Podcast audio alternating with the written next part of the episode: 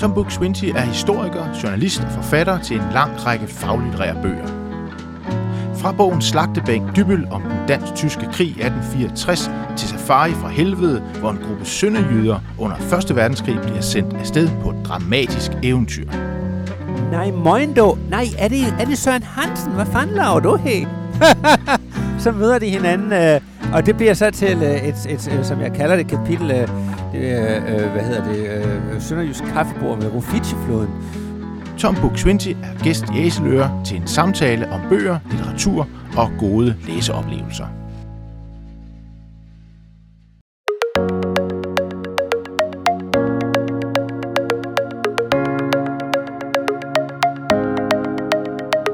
Velkommen til Æseløre, Ringsted Biblioteks podcast om bøger.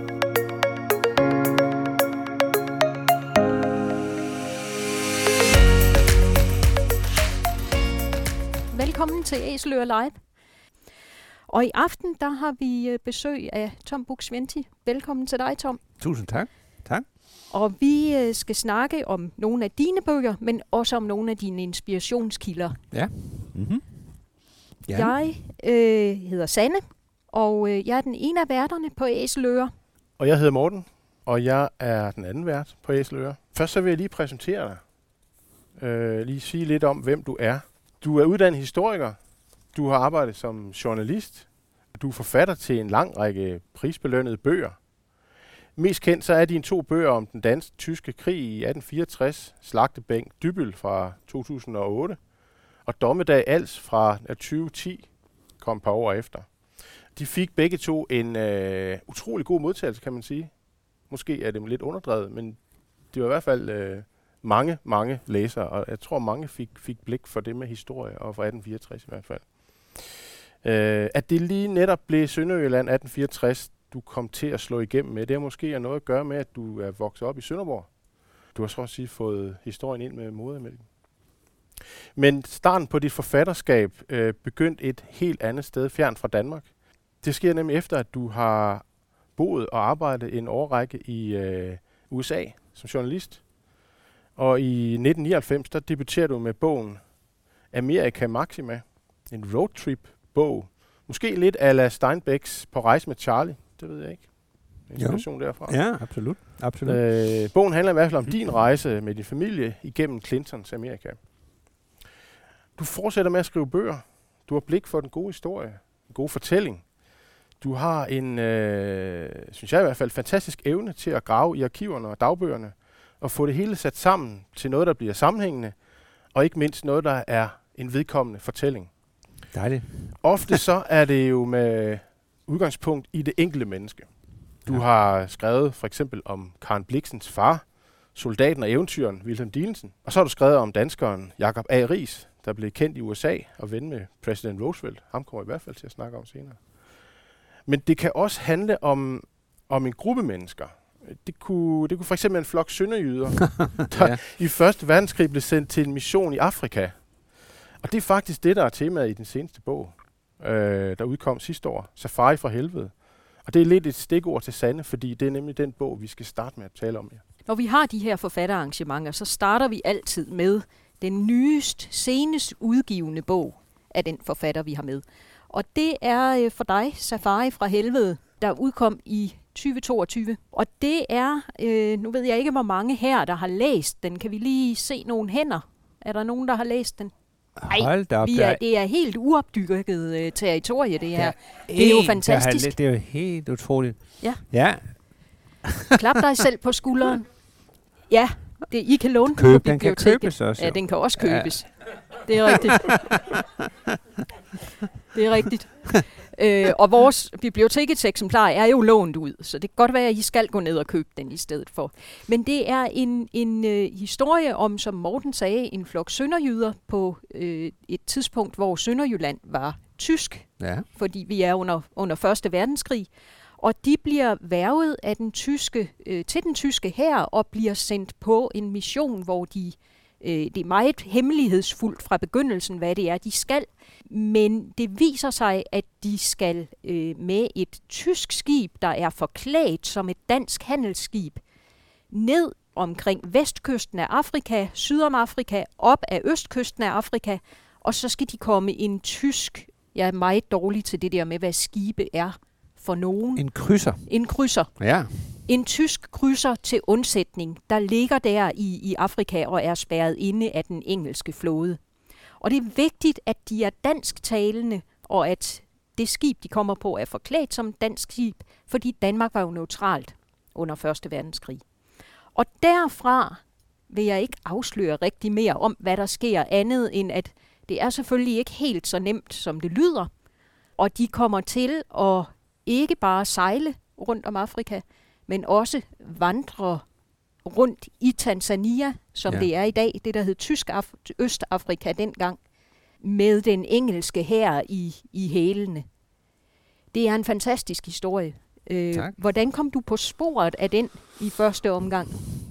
Jamen, øh, det gjorde jeg ved lidt af en tilfældighed. Det er meget under, skal vi sige, drejet historie. Der er ikke mange, der kender den. Altså, når, når de fleste tænker på Første Verdenskrig, så tænker man jo automatisk på skyttegravene, man tænker på Flanders, man tænker på øh, måske også Østfronten. Øh, og hvad angår sønderjyderne, øh, hvis man kender, det gør- de fleste, der kender den overordnede historie, det er jo, som du netop siger, at de skulle kæmpe for tyskerne, og de fleste sønderjyder kom også ind i landherren og var med i, øh, ved skyttegravene og tog nogle kæmpe store tab. Øh, øh, men det var jo kun sønderjyderne, der, øh, altså der var jo flere værn, så der var jo også sønderjyder, der blev indkaldt til marinen. Og det er jo sådan en, skal vi sige, en, det, det, og det, det er der ikke ret mange, der egentlig har tænkt over. Men altså, hvordan kom jeg på den historie? Jamen det gjorde jeg, fordi jeg for nogle år siden øh, øh, lavede en tv-serie sammen med øh, øh, en, øh, en, min medvært, som hedder Flemming Møldrup. Øh, det var i forbindelse med 100-året for genforeningen 2020. Øh, der lavede vi en tv-serie, der hedder Sønderjysk fra begynder. Og jeg var øh, jeg er opvokset i Sønderjylland. En rigtig sønderjyde vil jo sige, at jeg ikke er en rigtig sønderjyde, fordi vi var tilflyttere. Jeg har ikke sådan tre-fire generationer øh, sønderjysk blod i mig. Men jeg føler mig dog trods alt som sønderjyde og er vokset op dernede og kender øh, området, og derfor var, var det sådan, konceptet med den her serie var, at så skulle jeg føre den intet anende Flemming Møldrup rundt i Sønderjylland. Vi skulle møde sønderjyder, steder og blive kloge på historien. Øh, og der er jo mange, skal vi sige, traditionelle historier. Genforeningen Christian den 10. Den hvide hest, øh, der er 1864, som jo også er blevet skrevet meget om, der Første Verdenskrig øh, i skyttegravene.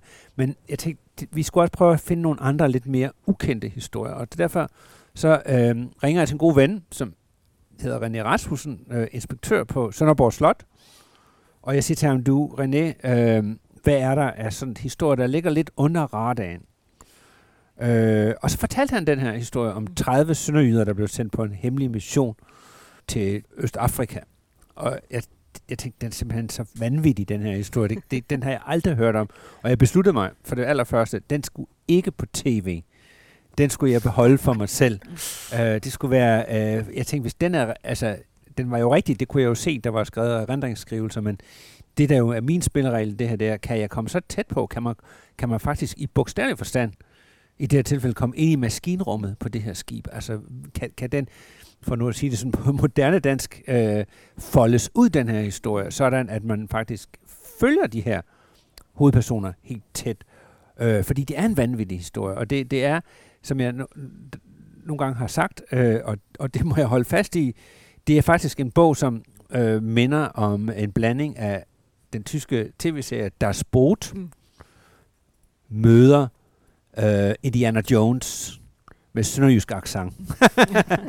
Fordi først skal de afsted på det her skib, som jo er en dybt hemmelig mission. Altså det, det skib er fyldt med ammunition og dynamit og 5 millioner patroner, og der ligger sådan en trælast henover, sådan at hvis det skib bliver inspiceret, så ligner det så et, et handelsskib. Og grund til, at de er sønderjyder, det er jo, at de kan tale dansk, derfor altså hvis det var en tysk besætning, og tyskerne kan jo ikke rejse ud på havet, fordi Royal Navy dominerer det. Øh, så, så på den måde, så kan man sige, så starter det derude på havet, hvor de skal foregive at være den her danske øh, besætning, men de kommer meget hurtigt i problemer, og de bliver, som også undertitlen på bogen siger, bliver jaget vildt. Så derude på havet, på det her skib har man den der, får man den der, synes jeg, klaustrofobiske oplevelse af at være et virkelig udsat sted, ligesom i deres båd, altså som følger den her tyske ubådsbesætning igennem tygt og tyndt. Mm. Og man begynder, man næsten glemmer, at det er tyskere på den forkerte side i den krig, men man begynder at føle for den besætning på ubåden. Og samme oplevelse, tror jeg, man vil få, eller i hvert fald min intention, at man får, når man, når man læser det, om deres sørejse. Og da de så kommer til Afrika øh, 25.000 sømil senere, efter at være blevet jagtet af Royal Navy, for eksempel, med en meget ivrig marineminister, Winston S. Churchill, som i den grad øh, øh, skal vi sige, orkestrerer den her jagt. Da de så, jeg vil ikke måske fortælle helt så meget om, hvordan det lykkedes at komme i land, men det, det, det, det er meget... Det er, jo, det er et drama i sig selv. Der er en hel masse mm. nærdødsoplevelser med i den her bog. øh, og, øh, men da de så kommer i land, jamen, så bliver de jo indrulleret i den her absurde krig, der finder sted i Afrika. Og det er sådan set også noget, jeg vil, vil sige med den her bog, det er jo, at vi har glemt, at Første Verdenskrig var en verdenskrig. Og fordi de her øh, magter i Europa, der var kommet i krig med hinanden, fordi de var øh, kolonimagter, så betød det jo også, at, at, at, at krigen spredte sig blandt andet til Afrika. Det betød jo i og for sig, at lige pludselig var Kenya, som dengang så hed Britisk Østafrika, var i krig med Tysk Østafrika. Og så var der Mozambique, som er portugisisk, ligger ned øh, syd for.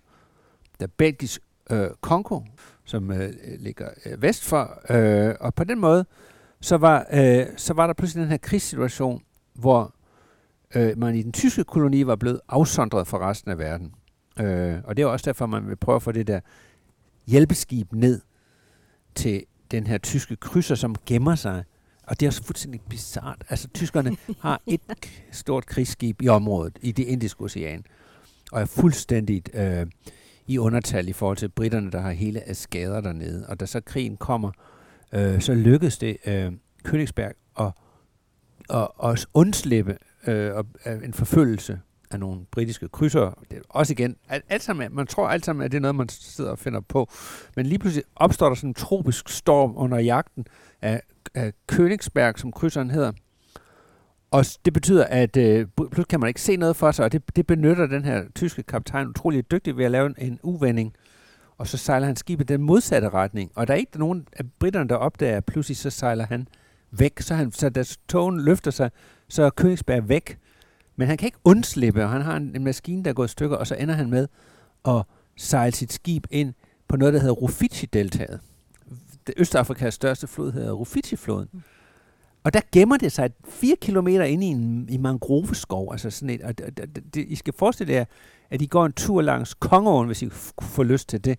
Og så pludselig, så går man rundt derude, så rejser der sig sådan en russisk krydser op øh, af øh, landskabet, hvad der jo efterhånden ikke er helt utænkeligt mere.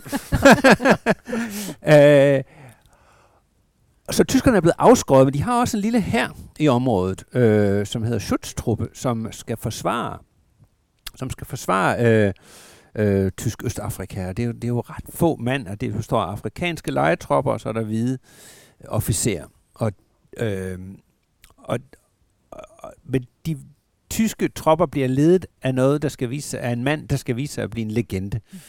øh, som er en general, der hedder von Lettow Forbeck, som øh, han bliver general. Han var oberstløjtnant, da han kom ned, og han, øh, han øh, skal vise sig at være øh, gudbenået taktiker. Selvom han, og så, selvom hans, den koloni er afskåret, så tyskerne kan ikke få ret meget ned. De kan ikke få noget ned til, til kolonien. Og britterne kan blive, blive ved med at komme med nye tropper. På et tidspunkt har de noget med 300.000 mand imod hans til allersidst 1300 mand. Og de kan simpelthen ikke fange ham. Og han ender med at, at flygte ned i, i Mozambique og op igen og kommer ud i Sam, øh, Zambia. Øh, og britterne halser efter ham, og hver gang de tror, de har ham, så er han væk, og så laver han nålstiksangreb. Og han overgiver sig to dage efter, at krigen er slut, altså den 13. november. Så han er den eneste tyske øh, general, der ikke bliver slået i Første Verdenskrig. Øh, og derfor bliver han, han bliver sådan en legende, at britterne, som er lidt sådan gentleman, i deres øh, stadigvæk krigsførsel, i hvert fald der i, i inviterer ham som æresgæst til London efter krigen, til galamiddag, det skal man lige forestille sig, for at ære deres agtværdige modstandere, fordi de simpelthen respekterer ham. Og så spørger de ham, hvordan kunne det være muligt for dem, her general, at, at klare sig så længe? Så siger han, jamen det havde jeg heller ikke regnet med. Men så pludselig kom der sådan et hjælpeskib. Altså, og det er så det her skib. Det danske, øh, det danske. med de 30 sønderjyder. Ja, og det viser, ja. jeg tror godt ikke, uden at spoile alt for meget, så, så bliver Königsberg ender med at blive skudt i sænk. Så det var egentlig det, der skulle have haft alt det ammunition og masser af, af granater og så videre. Men det, da de så er sat ud af spil, da de an, endelig ankommer, så får von Lasso Forbæk alt det her. Og han siger, det er simpelthen det er blandt andet 5 millioner patroner. Og så siger han, det var det, der gjorde, at jeg fik pludselig, og de to væren taler ikke sammen, han var så ikke klar over, at der kom det her skib. Mm. Pludselig havde han alt det her materiale. Så mine damer her, vi er faktisk et sted, hvor man kan, uden at overdrive, kan sige, at 30 sønderjyder ændrede verdenshistoriens gang. Det gjorde de. det kan man så sige, det er på godt og ondt, for det betød jo også, at krigen fortsatte, og det var en blodig krig, øh, ikke mindst for afrikanerne, som jo var offer. Det tror jeg godt, man kan sige, uden at offergøre nogen, fordi den kolonipolitik, man førte, var jo så grum, øh, og der dør, dør cirka 700.000 afrikanere i den her. De blev indkaldt som bærere. I en krig, som de i øvrigt havde ingen, ingen, aktie. ingen interesse eller, Nej, nej, eller aktie nej, havde i. Nej, Så, så, så på den måde kan man jo sige, altså, så, så, så det, det trækker jo sådan et blodspor, øh, de her, det svarer lidt til, altså det er cirka 10 procent af afrikanerne, der, der omkommer mm. på grund af den krig. Det svarer til, at igen, Rusland og Ukraine fik lyst til at tænke, vi vil ikke ødelægge vores eget land, så lad os udkæmpe en krig i Jylland. Og i den proces dør der en halv million danskere. Mm. Og alligevel er der selvfølgelig noget, øh, altså der er jo selvfølgelig noget i historien, som, som bare sådan for mit vedkommende kalder på sådan, altså der er også noget absurd eventyrligt over det. Ja. Altså fordi man kommer jo virkelig ind i det her kontinent. Tanzania er et fantastisk landområde. Det er på 1 million kvadratkilometer. Det er dobbelt så stort som Tyskland, og det har alt den natur, man kan forestille sig, og alle de dyr, der på en eller anden måde kan slå mennesker ihjel, man kan forestille sig. så altså, øh, på den måde er det jo også, og det har i hvert fald været fascinerende for mig, at, øh, det er jo, at øh, det også ender med at blive kulturstudie af, af det her, den her verdensdel. Og det blev det også for sønderjyderne. Det er, øh, det er en bog, som jeg læste med sådan lidt en, en øh, dobbelthed i, i, i maven. Ja. Fordi på den ene side, så er det en, en krigsfortælling, og den er grum og brutal og, og grusom. Øh, og, og der er, altså, det, det var jo ikke nemt for de her 30 sønderjyder at, at vandre rundt i hælene på, på den tyske general i flere tusind kilometer i, øh, i, i Tanzania, øh, med, som du siger, alle de dyr, der kan slå mennesker ihjel. ja. De gjorde et ihærdigt forsøg, og de fik malaria, og de fik tyfus, og det var altså Jamen, øh, en, en brutal ja. historie. Ja. Og så på den anden side, så sad jeg også med den samme sådan boblende lykke i maven, som jeg havde, når jeg læste det, der dengang jeg var pige, hed drengebøger, Ja. som, som barn. Øh, altså indianerromanerne og Kong Salomons miner og, og alle de der, der kom i Gyldendals røde klassikere, og hvis jeg tænker, der er nogle af jer, der godt kan ikke genkende til dem. Fordi det er den type historie. Ja. Altså, det, det er så fantastisk, at man tænker, at nogen burde have opfundet den, hvis ikke den, øh, den fandtes derude i virkeligheden. Ja, altså, og det er jo sådan en af de der, hvor man tænker, er, har- er manden gået, øh, hvad der er sket med ham? Altså, har han bare fundet på? Ja. Altså, det, jeg går jo også tit efter historier, som hvor man, altså, hvor man bare tænker, altså, det kan jo være, vi- det kommer vi nok ind på, når vi også taler om nogle af de andre bøger. Altså, jeg, altså, jeg har jo altid haft den, altså, jeg har jo egentlig som ung tænkt, at jeg skulle være, i, da jeg var ung, var jeg jo ret sikker på at blive, blive romanforfatter. Jeg skrev utrolig mange noveller og ting og sager. Så mine stakkels skolelærer, de blev simpelthen, de fik sådan hele stilehæfter, fyldt med sådan tre-fire stilehæfter med mine noveller der, øh, og de tog der så altså meget pænt. De opmuntrede mig rent faktisk øh, til at skrive. Og Jeg, jeg havde bare, jeg læste meget, og jeg, og jeg vidste, at jeg ville øh, blive skrivende på en eller anden måde. Og så sådan, for flere omveje, så blev jeg både historiker og journalist i mange år. Og der, øh, måtte jeg bare erkende, og så også når jeg var ude og skrive historier, og mødte jo de mest utrolige mennesker, de mest absurde situationer, måtte bare erkende gang på gang, at virkeligheden den overgår. Mm. Altså bare fantasien. Altså, der er så mange aspekter af den historie, man simpelthen ikke kunne, kunne have udtænkt sig. Nej, man altså. ville selv som romanforfatter ja. og tænke, det her kan jeg ikke skrive, fordi der er ingen, der vil tro på, kunne være foregået. Nej. Altså, Nej.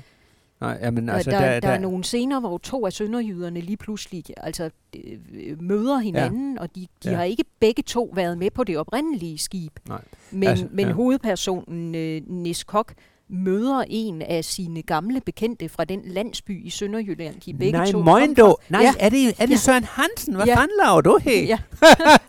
så møder de hinanden, øh, og det bliver så til øh, et, et, et, som jeg kalder det, kapitel, øh, det, øh, hvad hedder det, øh, Sønderjysk kaffebord ved Rufiji-floden. Ja. Ja. Og det er, altså, det, og, jamen det er rigtigt. Altså, for eksempel så møder jeg, tre-fire gange møder han nogle, nogle øh, ja, folk stort set fra nabogården, som ja. af den ene eller anden grund også er havnet der, og det er fuldstændig surrealistisk. Ja, øh, ja det er godt nok en, øh, det er noget af en historie. Ja. øh, og så er der jo bare så mange menneskelige aspekter. Der er også et kulturmøde. Altså, min hovedperson, han hedder Nis Kok, og det har vi ser på, på omslaget her.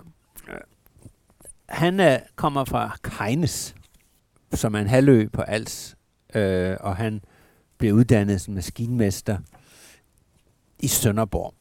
Han er en stille, lun fyr, som øh, er noget af det mindst krigeriske, man kan forestille sig. Han havde aldrig forestillet sig at se sig selv på den der, på den der måde, afbildet i sådan en... Øh, og han bliver pludselig en mand, der skal til at vandre tusinder og tusinder af kilometer igennem Tanzania. Og han får, som alle øh, musungu, eller wasungu, hvis man skal sige det i flertalsform, så får han, øh, altså det betyder europæer, eller hvide, på Swahili, som er det fælles sprog, øh, der bliver talt, jamen så får han en, nogle tjenere. Altså han, øh, han, får en, øh, han får to oppasser.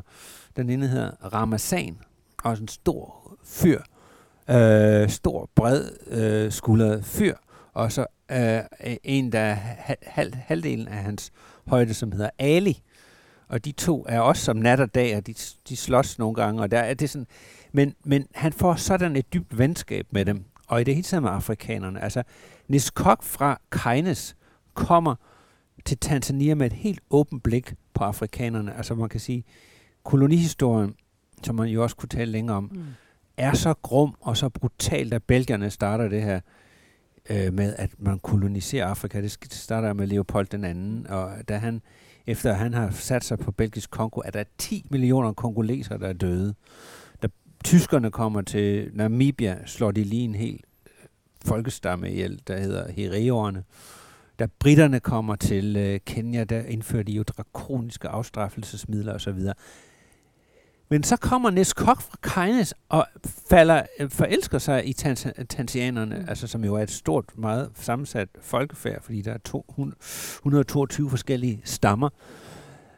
Og en af dem, og så udgiver han faktisk, øh, grund til, at han er en af mine hovedpersoner, det er, at han øh, udgiver nogle erindringer, som øh, han skriver sammen med en dansk forfatter, øh, som hedder Sønderjyder forsvarer Østafrika, og det er en virkelig, virkelig velskrevet bog. Og den udkommer i 1937. Det år udkommer der en anden bog, der også handler om Afrika, skrevet af en anden dansker. Hun hedder Karen Bliksen, mm. eller Isak Dinesen, som hun kalder sig. Det bliver Out of Africa, kommer først på engelsk. Hun læser Nis Cox bog og er vildt betaget af den, fordi hun ser et slægtskab mellem øh, de to. Altså, fordi hun jo også kom til Kenya og var, øh, man kan mene om hende, hvad hun vil, men hvad, hun var super progressiv, hvad angik. Øh, altså, der er nogen, der har sagt, var hun ikke racist på grund af nogle af de ting, hun siger, det har altså skrevet, det er sludder og vrøvl, det var hun ikke. Hun havde en, hun havde et meget, meget åbent syn. Altså hun mødte afrikanerne i øjenhøjde og blev fascineret af deres kultur og lærte af den. Og det samme gjorde Nis Kok. Og, og, og, og det venskab, han får med Ramazan, er simpelthen et, man kommer, det, det, det ved jeg ikke, om du også tænkt under læsning, mm. altså man kommer derfra med den der, de er simpelthen som om det var, det var sådan to brødre på en vis måde, der mm. mødtes, selvom den ene er tjener, og den anden er herre, så passer de sådan på hinanden. Øh, der er et tidspunkt, hvor, skal man lige forestille sig, at de, de vandrer altså, altså så, når, så han, han ender med ikke at være soldat. Han ender med at stå for, for våbenforsyninger. Så han skal lave sådan nogle transporter ned og sørge for, at våbendepoter er på plads. Øh, og det er sådan noget med, at han øh, skal have flyttet krudt og kugler og ting og sager. Øh, og der er, øh, han har måske 100 bærer. Altså, de, de, der, der er 10.000 bærer. Der er, der er ikke noget, der hedder køretøjer og hestedør dør, tsatsefluer. Så, øh, så de går op ad Uluguru-bjergene. De, de rejser sig på den her måde. Øh, altså, øh, øh, igennem sumpområder osv. Og, så videre. og så bliver de jo syge undervejs, især de hvide, øh, for malaria. Og på et tidspunkt er han så syg, kok, at han nærmest er ved at dø af sygdom, og han får slæbt sig igennem.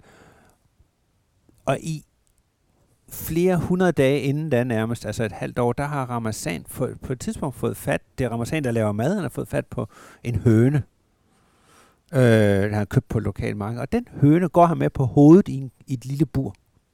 Altså i, i et halvt år op og ned af bjergene, og altså, den høne er altid med ham, og, og Nis Kok siger, hvorfor skal du slæbe rundt på den der høne, og så videre.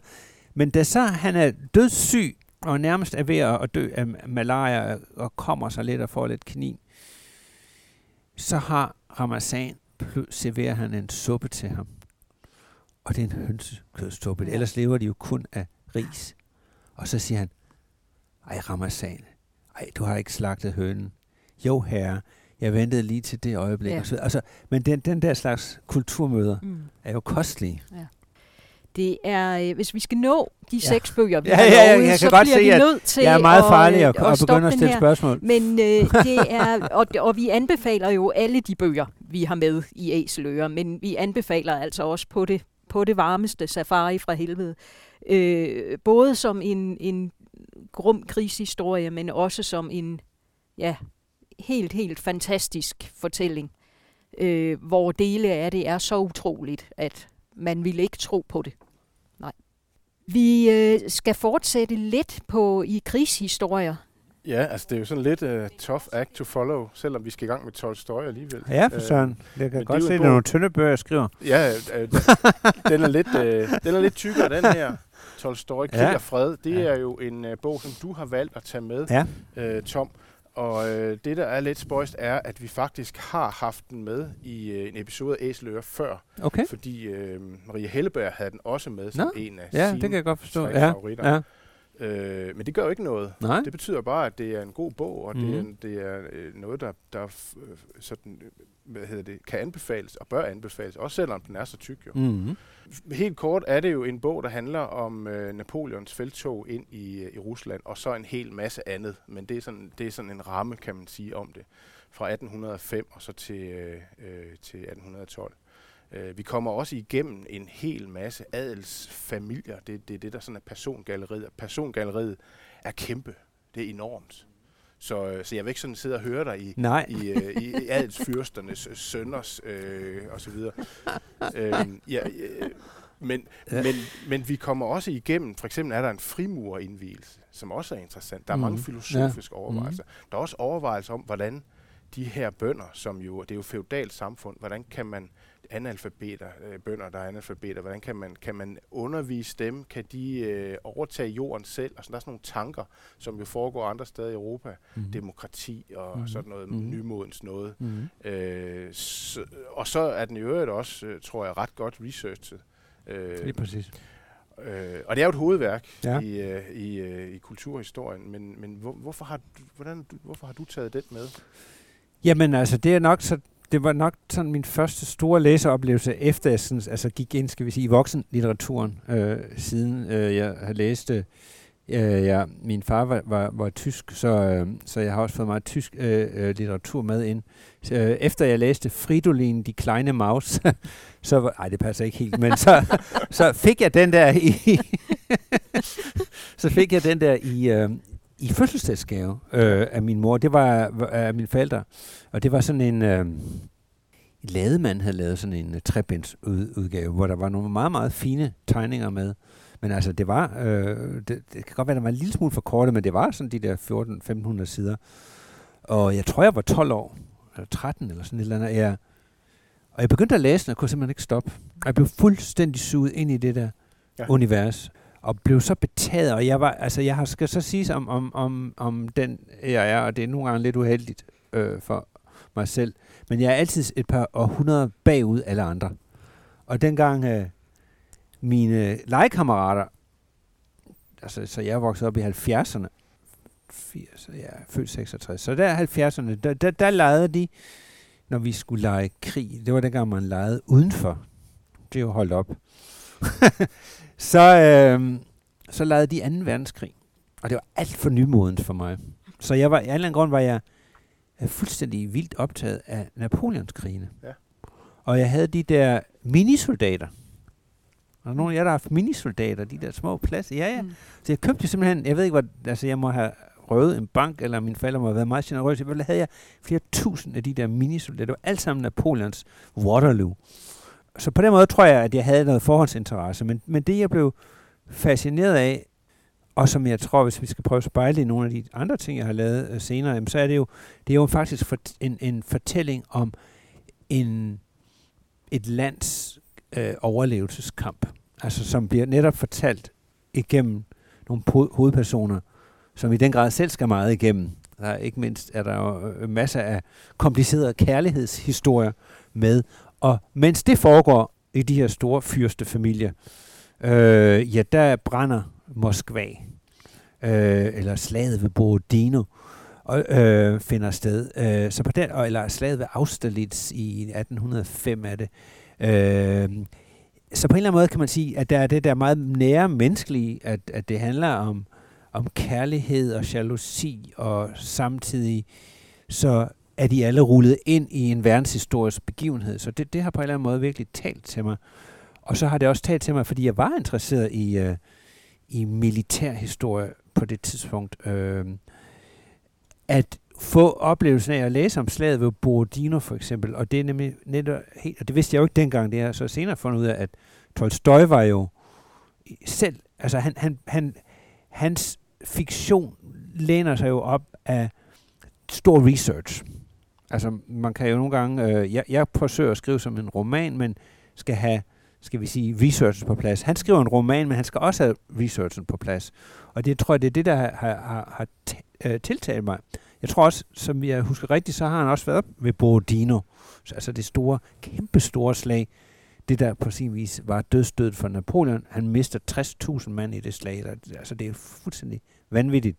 Lige uden for, for Moskva øh, finder det sted, og det er jo den der store undergangsslag for, øh, for russerne. Kutuzov, den store general, lykkes jo så at få stanset øh, russerne. Men, men den der autenticitet, altså den der virkelig, den der, det virkede så virkelighedstro.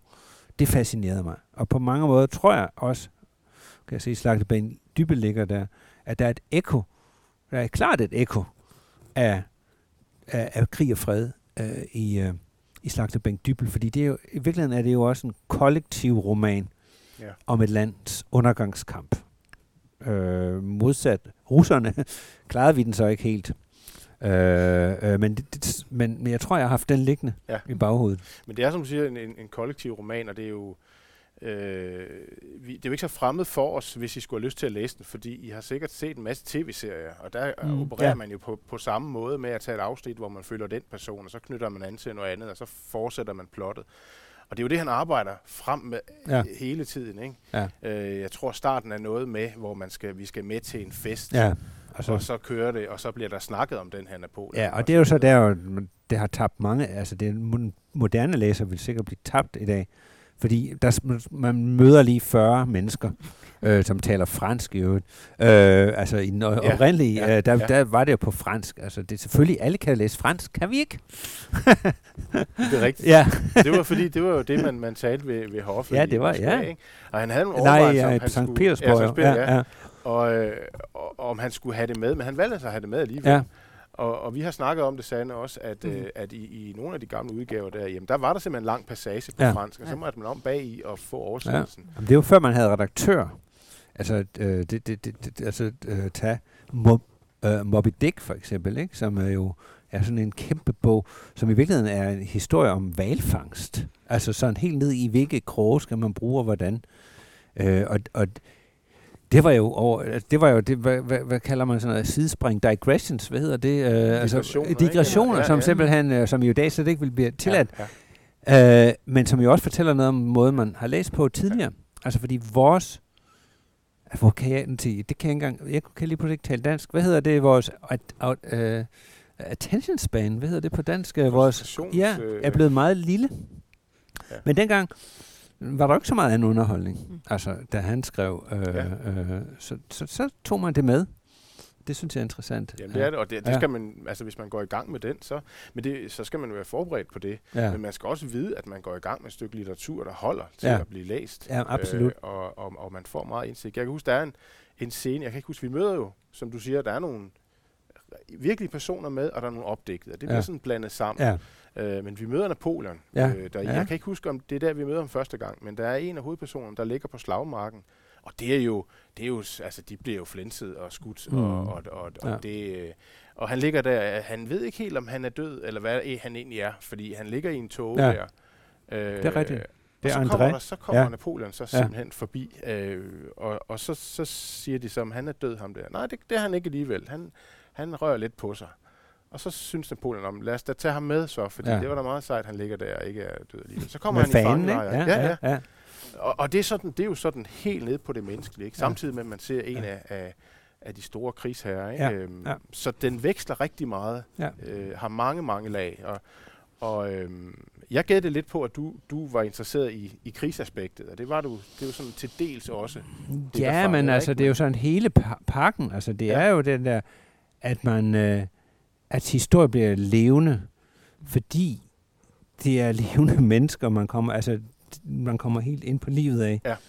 Øhm, altså, så for dem, altså, det er jo også, jeg har aldrig følt, at, at historien er en abstraktion. Øh, men jeg vil så sige, at øh, vi har haft en historikerstand, der har gjort historien meget, meget, meget støvet for mange mennesker, for, på grund af den måde, man, man har, har dyrket det på akademisk. Ja. Øhm, og der viser sådan en bog som, som den her, øhm, altså, fordi den er også, fordi man kan mærke den, altså, altså det, øhm, så langt det var, jeg tror, var han skrev det i 18, 69, Ja. der udkommet der. 18 ja, jeg skulle til at sige 1870, ja. Så så lang tid siden er det heller ikke. Så han har jo også forstået det samfund, han har, han har skrevet, og den fortid, han har skrevet om. Så når vi så læser det i vores tid, så har vi jo en fantastisk, fantastisk indblik i øh, en historie, men fortalt igennem mennesker, som vi kan forstå og relatere til. For dybest set er det jo en kærligheds øh, trekant. ja, men det er det. Det er jo en, en kærlighedshistorie. Øhm, men, det, men det, du siger med at, at, at, at, at fortælle, altså historieskrivningen, der har vi jo en... Øh, der har vi måske en lidt anden tradition i Danmark, end man har for eksempel i USA, omkring hvordan historie skal skrives. ja. øh, hvor man jo godt må gå lidt tættere på, og også må, må øh, hvad skal man sige, måske være lidt subjektiv og, og gå efter fortællingen, Mm-hmm. mm. og måske ikke de, de sådan faktuelle detaljer, der skal ramses op, men at man skal, man skal bære fortællingen frem. Ja. Øhm, ja, men det er jo det, man kalder den anglosaksiske ja. øh, narrativ øh, øh, stil, øh, non-fiction, narrative non-fiction, hvis man skal sige det rigtigt. Øh, ja, det er rigtigt. Altså man kan sige, at vi har fået en, vi har, vi, vi, vi er blevet meget præget i vores historie, øh, øh, formidling, eller måske øh, mangel på samme, øh, af en forskertradition, der kommer fra, fra Tyskland, altså i sin tid, øh, hvor man jo sådan bliver meget vidensk- hvor man videnskabeligt gør historien, som netop skal være et, et opgør med, skal vi sige, fantastiske fortællinger. Det er jo sådan set også fornuftigt nok, hvor man begynder at se på, hvad er kilden egentlig? Hvad, hvad er øh, kilden til det, man... Altså, er det en skrøne, eller kan det faktisk øh, belægges øh, med, med, med, med kilder, og så rangordner man kilder, og der er en primær kilder, der er en sekundær kilder, der er det ene og det andet. Men det betyder også ved den der videnskabelige gørelse, at man, man dræber os historien, øh, og på den måde gik historiefaget faktisk hen og blev, øh, skal vi sige, øh, for en gruppe fagfolk, øh, som skriver til hinanden, og, og som ikke skriver ret meget. Øh, jeg er uddannet historiker, og jeg på Københavns Universitet, og fik jo en øjenåbner, da jeg så var gæst, øh, da jeg så tog til USA og læste øh, et stykke tid, hvor man jo havde en helt anden, altså lige så videnskabelig, men bare en, de skrev bare meget mere. Vi skulle aflevere opgaver hele tiden. Vi skulle hele tiden skrive. Og, øh, og vi kunne komme igennem en helt studie på fem år ved at aflevere nærmest en enkelt opgave. Vi havde nogle lærere, der brystet sig af, at de aldrig skrev noget. Der, jeg, jeg havde en lærer, der hed Hans Vammen, som øh, gik og, og røg cigar og var stolt af, at han havde skrevet et hæfte. Og det betød, at alle blev bange for at skrive.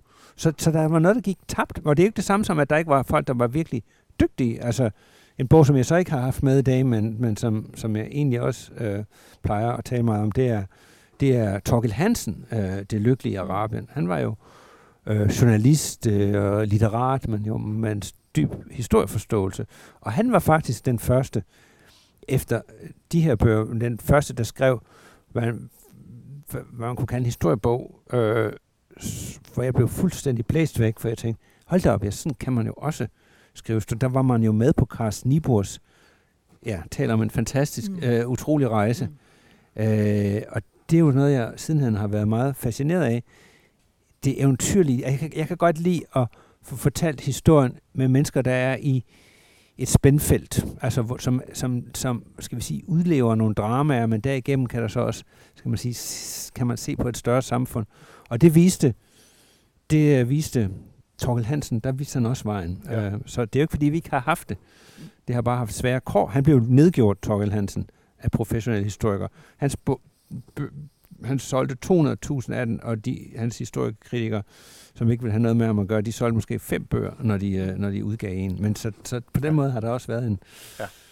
en skal vi sige, en, en, en, en kampzone. Ja, ja. I, i, i en fag, faglig ja. kamp, ikke? Ja. ja. ja. Men det er jo også vigtigt, fordi det er jo, det er jo noget, der betyder noget for os læsere, at, at man kommer ud over sit fagområde mm. og kan formidle. Det sætter vi i hvert fald meget pris på. Øh, jeg, jeg tror måske også, at man, man efterhånden har drejet ind på den måde at skrive på og Der er sket, på, der er sket meget. Der er sket meget, ja. ja. ja. Jeg tror, vi, øh, vi, vi, vi anbefaler den der øh, krig og fred. Øh, I skal ikke være så bekymrede for, at den er så tyk. Nej. I kan jo bare starte med første bind. øh, så, så, kan jeg, så kan jeg næsten garantere jer, at når I kommer efter andet bind, så står den og venter på jer. Ja. ja. Start på side 1 og arbejde jer frem derfra. Ja. Det, er, øh, det er et godt råd. Det er et godt råd, når I, i mange ja. ting i ja. virkeligheden. Ja. Vi skal sådan rundt regnet 200 år frem i tiden. Ja. Hvis jeg kan løsrive dig fra krig og fred. Ja, nej, men jeg skulle tænke lige at øh, gå og læse den højt. Det, ja. Det. jeg skal lige vide, om det er en af de versioner, hvor det franske er oversat. Det er oversat, ja. Det, nå, okay. Ja. Øh, vi skal cirka mm. 200 år frem mm. i tiden ja. til uh, endnu en bog, som du har valgt at mm. have med. Og, mm. uh, og her har vi faktisk at gøre med en bog, hvor der ikke sådan er i hvert fald øh, direkte fysisk krig Nej. til stede. Nej. Det er uh, Tom Wolfes mm. Forfængelighedens bål, mm. der uh, udkom i 1987 og så kom på dansk i, uh, i 1989. Det er en amerikansk roman, og det er en af de bøger, der sådan er blevet kaldt den store amerikanske roman. Der dukker nogen op en gang imellem, øh, hvor anmelderne bliver enige om, at den her bog, den indkapsler Amerikas sjæl. Og, øh, og det var noget af det, Tom Wolf også havde en plan om, mm. gerne og ville, da han skrev den. Han ville gerne beskrive USA i 80'erne mm. med alle de problemer, mm. der er. Det er ikke en glad bog. Det er, den er lidt satirisk. Den er meget sarkastisk. Øh, og Tom Wolf har generelt et horn i siden på ganske mange ja. i den øh, måske journalister og, og børsmalere først og fremmest. Politikere. Men politikere, ja. det er rigtigt. Retssystemet. Vi, vi kan fortsætte. Hvad, øh, hvad gør, at du har den med i dag? Ja, det, det, det fik egentlig bare lyst til at tage den med. Øh, det er også en af mine meget store læseoplevelser. Jeg, jeg kan huske, at det var sådan en, hvor jeg sådan gik på gaden og læste, fordi jeg simpelthen ikke... Øh, jeg blev lige nødt til at se, hvad der skete. Ja. Øh, og det, den bog gjorde, at jeg tog til, øh, bosatte mig i New York i, i 11 år. Fordi jeg blev så nysgerrig på, jeg blev simpelthen nødt til at opleve den verden. Jeg har også mm. rendt rundt i the South Bronx, hvor noget af det foregår, simpelthen for at følge fodsporet på, på Tom Wolfe. Jamen, hvad er det, den kan? Jamen, Tom Wolfe, det vidste jeg ikke dengang, men det ved jeg jo så siden han. Jeg har også mødt Tom Wolfe øh, senere hen. Jeg har interviewet ham en gang til et stort interview til Weekendavisen. Det var Weekendavisen, jeg arbejdede for i sin tid som USA-korrespondent. Øh, jamen, Tom Wolfe er øh, interessant. Øh, altså, blev en slags guru for mig, og for mange journalister, fordi han var sådan en af det, man kunne kalde en, en af de første moderne magasinjournalister. Og hans mantra var netop, han kom ind i, også med en akademisk uddannelse, men hans mantra var, da han så blev øh, journalist i New York og kom til at arbejde for øh, nogle af de store magasiner, Esquire, og øh, også øh, arbejder også for nogle dagblade, men øh, han, blev, han var sådan en af de første, der sådan skrev de der meget, meget levende reportager, feature-historier, hvor han også gik ud i alle mulige miljøer og sagde, hans mantra var, men virkeligheden er bare for vild og for utrolig, når man zoomer ind på, på enkel menneskers liv, eller tilfældige spil, som nogle mennesker nogle gange bliver kastet ud i, eller undergrundshobbyer, eller hvad folk sådan, altså han er også meget optaget af sådan den sociale strata, altså det vi gør for at vise, at vi tilhører et segment, altså når vi går rundt med vores perler der på Fifth Avenue, og han, den måde han sådan kunne beskrive de her overklasse kvinder og det miljø på, altså hvor han sagde, hvor han egentlig gik ind i en form for kamp imod det, han som ville kalde for tørvetriller, navlepillende øh, litteratur, som, som jo var stor, hvor, hvor forfatterne Philip Roth, og han var imod mange af de store amerikanske forfattere, som er skrim, glimrende skribenter, men hvor han sagde, I piller det hele ud af jeres navle. Det er jeres eget lille liv, I kigger på. Gå nu ud og brug sanserne og se jer omkring, og gå ind i miljøer, I aldrig har været inde i. Og han bragte det der med, han, han sagde, jamen som god reporter, der går du ud med din, med din, øh, med din øh, altså du går ud med din notesblok, og så skal du bare se, hvad der sker derude det var egentlig det, han gjorde her. Altså faktisk er det her interessant, fordi han havde kun skrevet non-fiktion, men altså det, i den her narrative, meget øh, beskrivende stil. Øh, øh, han havde øh, blandt andet skrevet en øh, bog som øh, om de første, der bliver sendt, de første astronauter. Ja, Hvad den, er det nu, den hedder? Den hedder Kold Mav på dansk. Ja, lige præcis. The Right Stuff Ja, The Right engelsk, Stuff. og den er også filmatiseret, og jeg Ja. kan varmt anbefale både Ja. bogen og filmen. Ja. Og det er jo et stykke narrativ non-fiktion, hvor han følger de her testpiloter, som så kommer ind i det her Apollo-program. Og, det, og, og igen, det er jo sådan en fuldstændig vild historie. Hvordan bliver du, man udvalgt til det her? Hvad, ja, hvad er the right stuff for at overleve det der? Så den slags bøger han skrevet, men så i, i, i forfændighedens bog, der beslutter han sig for at, så at skrive en roman, men den er gennem-researchet. Og den handler om en børsmaler, øh, super rig mand, der hedder Sherman McCoy, som, øh, som har det her, jeg kan, øh, han bor i en penthouse-lejlighed, som dengang kostede 3 millioner dollar, og det lyder jo ingenting i dag. Ja. Det kan man jo nærmest ikke få en lejlighed for, øh, på Frederiksberg mere. Men, øh, men altså, det vil så svare til sådan 20-30 millioner, og han har det her overklasse, eller det her super, han ser sig selv som the master of the universe. De er sådan den der lille gruppe af børsmal Wall Street folk, som, som kører på en high, ikke? og de styrer det hele.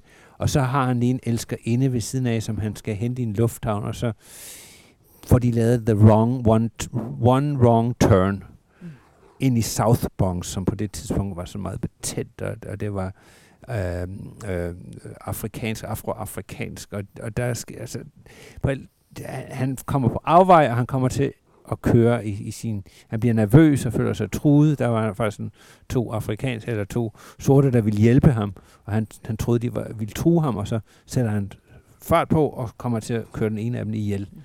Og i stedet for at stanse og ringe efter politiet, så kører han væk. Og så starter historien sådan set. Altså han håber, han er slu, slu, altså, ligesom, han prøver at glemme alt det her, men så er der flere, der kommer på sporet af det her. Og så er der flere interessegrupper, der går i gang, der alle har en, Mm. en aktie i det her, men sådan, bare for at mele deres egen kage, så selvfølgelig vi, det bliver en politisk sag. En sort er igen blevet slået ihjel. Og så er der altså en meget kynisk politiker i Harlem, der udnytter det her. Så er der øh, en, øh, en, en, en, en, hvad hedder sådan, anklager, som også skal prøve at gøre sine hoser grønne og vise. Og så alt, er- pludselig er der godt sådan kæmpe. Så er der øh, sensationsjournalister, der kører det op, som jeg sagde. Så alle, så på den måde følger man meget, meget dygtigt hver af de her parter, og man kan se, selve historien forsvinder i det hele, fordi alle har, skal vi sige, deres egen agenda. Øh, og det har Tom Wolfe, han, han brugt utrolig lang tid i det her distrikts øh, øh, øh, juridiske kontor, hvor han lærte de her typer at kende. Han, han fulgte politiet rundt, og så på den måde brugte han jo nærmest, jeg tror, 5-6 år på at skrive den bog, men den er så realistisk. Og på den måde får man også, løber det en kold ned ad ryggen, fordi den også er et spejl. Han holder et spejl op imod samfundet, og også den måde dynamikkerne er i dag, altså når der Altså, vi kan jo bare, hvilken som helst avis, vi åbner, hvilken som helst politisk spil, vi ser, øh, er sådan set det, han får gennemlyst. Øh, og det gør han ved at gå ud og se på verden, i stedet for at forestille sig, hvordan den er. Så viser han den frem. Der er nogle meget, øh, øh, synes jeg, øh, gode beskrivelser fra retssale ja. i den. Ja. Altså, hvor, hvor jeg tænker, han må have siddet han. og, og ja. oplevet ja. nogle retshandlinger. Øh, for at kunne skrive det sådan, som han skriver det. Altså det er, det, det er virkelig, det, det kommer virkelig tæt på og virkelig ind under huden. Og han skåner ikke nogen. Han skåner altså, ikke nogen. Der, der er en seksårig pige i bogen, som man måske kan sige er uskyldig.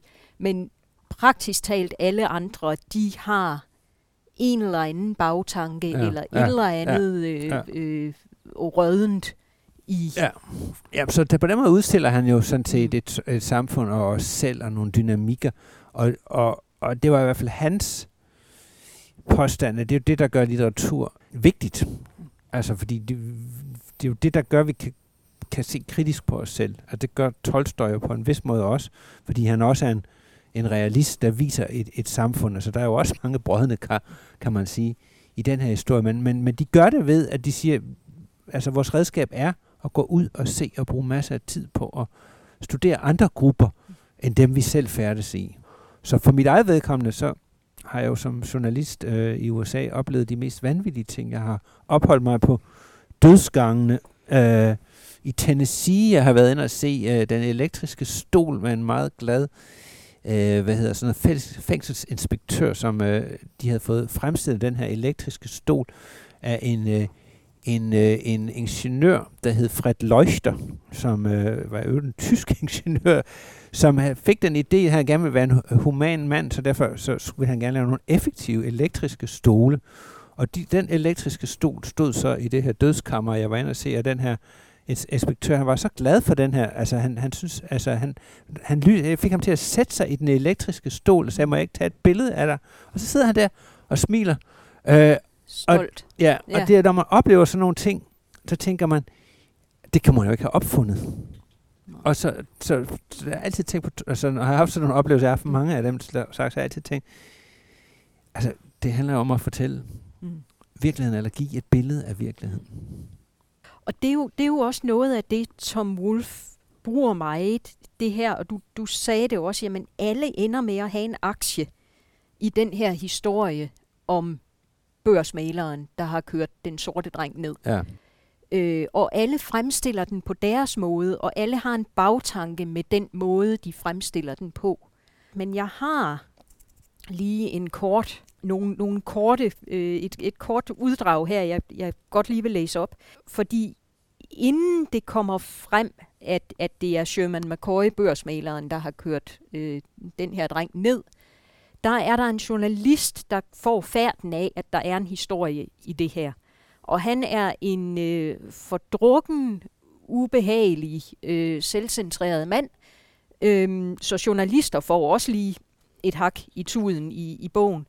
Men han ringer så til en af drengens tidligere lærere fra den skole, han har gået på, drengen, og øh, spørger så lidt ind til, hvad, hvad kan det altså? Og hans bagtanke er jo, at jeg skal have en god historie at kunne fortælle om den her dreng, der er, der er blevet kørt ned.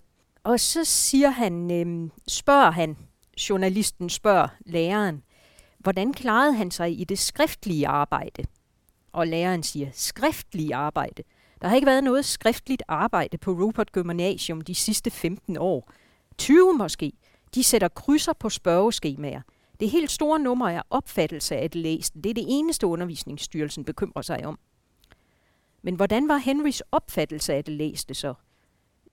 Ikke dårlig, vil jeg sige. Bedre end de andres, eller som gennemsnittet. Øh, det er nok svært for dem at forstå, Mr. Fallow. Har jeg, har jeg ret i, de er britisk? Ja, det er jeg. Mm. De er som en naturlig ting, går jeg ud fra, vant til et karaktersystem. Men dem, vi har med at gøre, er ikke nået op på noget niveau, hvor det kan betale sig at beskæftige sig med sammenligninger som dem, de taler om. Vi prøver bare at løfte dem op til et vist niveau, og derpå forhindre, at de glider ned fra det igen. De tænker på høje karakterer og udmærkelse og den slags, og det er naturligt nok. Men på Rupert Gymnasium er et geni en, der møder op i klassen, som ikke forstyrrer undervisningen, som forsøger at lære noget, og som klarer at læse og regne. Nå, siger journalisten så. Men ud fra den bedømmelsesmetode, var Henry så en af de bedste elever? Ja, det var han. Og det bliver så til en overskrift dagen efter om, at en honor student, altså en ja. præmieelev, er blevet kørt ned. Og det er, altså, det siger meget godt, hvad ja. sådan indholdet i bogen er, bortset fra, at det kun er et meget lille uddrag. Altså, der bliver, der bliver, øh, der bliver gået til den med, mm. med sarkasmen og med udstillelsen af falskhed ja. I ja. alle på alle niveauer. Ja. Den er rigtig, rigtig velskrevet, øh, og jeg vil faktisk godt sige tak til dig, fordi jeg læste den dengang, den udkom, og har ikke været tilbage ved den siden, og nu genlæste jeg den lige igen. Jeg havde egentlig tænkt, at jeg bare kunne nøjes med lige at lynbladre den og så være opdateret på den, men det endte faktisk med, at jeg bare læste den. fordi ja. det, så god en oplevelse ja. var det at have fat i den igen. Ja. Så uh, Tom Wolf, Forfængelighedens bål, den kan vi min sanden også anbefale. Jamen, så fortsætter vi med den næste bog, Uh, og den, vi skal snakke om nu, det er en, som du har skrevet, Tom. Ja. Uh, vi skal lidt tilbage i tiden, uh, til 1864. Ja. Eller man kunne sige uh, til 2008, hvor bogen udkommer. Ja. Og uh, jeg ved, du har skrevet et par bøger før den her kom, ikke? Jo, jeg skrev om Jacob Ries. Ja. Og men, Amerika Maxima, men... Uh, også, men, ja. men så kommer den her slagtebænk, Dybel, 18, 18. april 1864. Og det bliver simpelthen et, øh, en bravende succes. Ja. Alle skal læse om 1864, som om øh, man ikke øh, havde hørt om det slag nogensinde før. Ja. Og have alle historierne omkring det.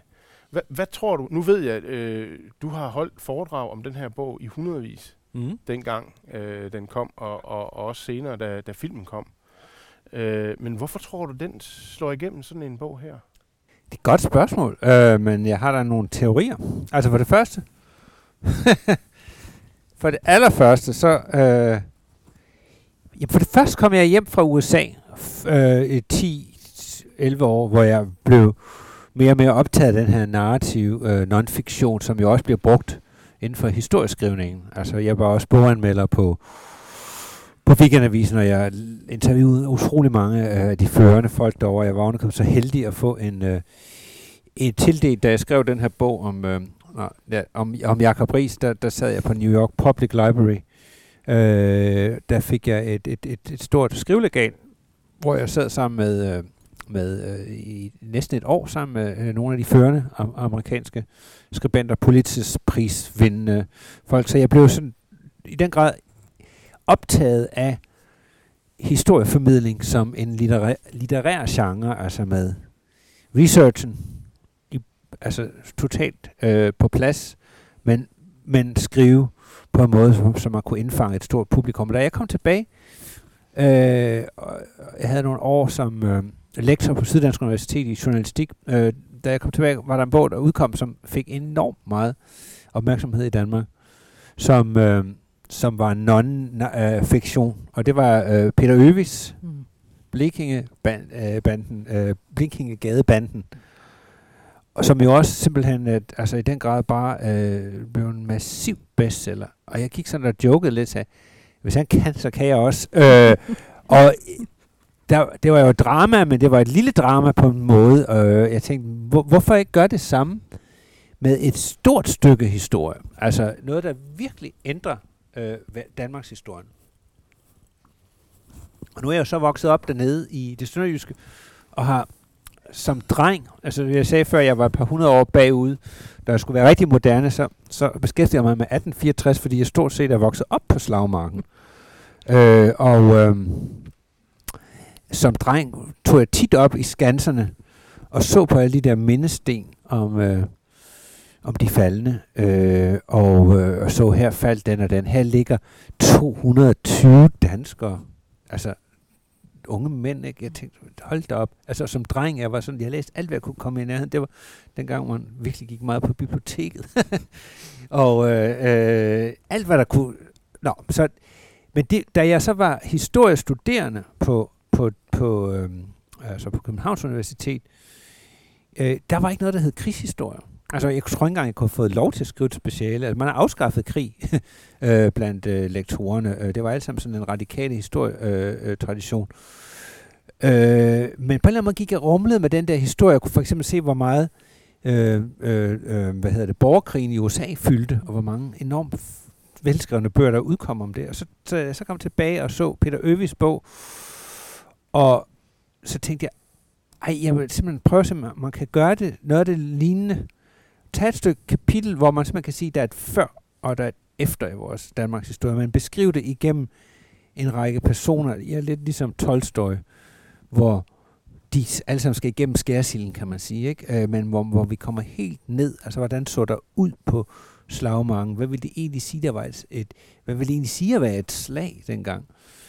Og der gik, det var sådan lidt et sideprojekt, altså jeg var helt optaget af det, og jeg troede selv på bogen 100%, det først, først fandt jeg senere ud af, at det, det troede mit forlag ikke rigtig på, fordi der er ikke nogen, der kan sælge en bog om 1864. Og min redaktør, de var sådan lidt overbærende, tænkte, lad manden, han har en stor passion for det her, og så kan han skrive den bog, så kan han komme videre til noget andet.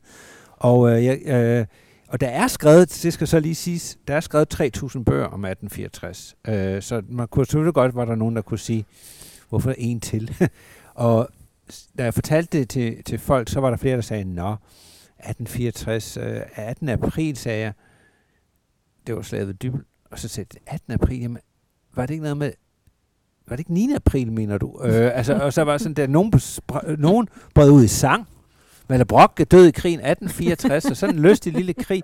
Og selv min gamle mor, som jo, øh, og stadigvæk heldigvis er her, og meget frisk, øh, hun sagde dengang, ah, altså hun gik og tænkte lidt ved sig, hun tror på alt, hvad jeg laver. Øh, hun gik og tænkte ved sig selv, der var der nok kun tre folk, der køber, tre gamle mænd fra Sønderjylland. og så er det jo, det var egentlig en meget lang optag til, hvorfor bliver det så en stor succes. Jeg tror, der er flere grunde til det. Øh, tiden var blevet moden på en måde. Altså, fordi øh, krig var jo blevet en abstraktion for Danmark efter 1864. Vi holdt os uden øh, for Første Verdenskrig, var neutrale, og vi blev ganske vist besat af Danmark, og selvfølgelig blev det også nogle hårde år til sidst især, men det var jo intet i forhold til, hvad resten af verden, øh, eller store dele af resten af verden oplevede. Så på den måde har Danmark ligesom været, var skærmet fra krigen, der kom lidt røre på Balkan, der havde vi nogle aktioner, men lige pludselig var krig blevet en virkelighed, fordi øh, Danmark var aktiv i Irak og Afghanistan, og man kunne læse om danske tab.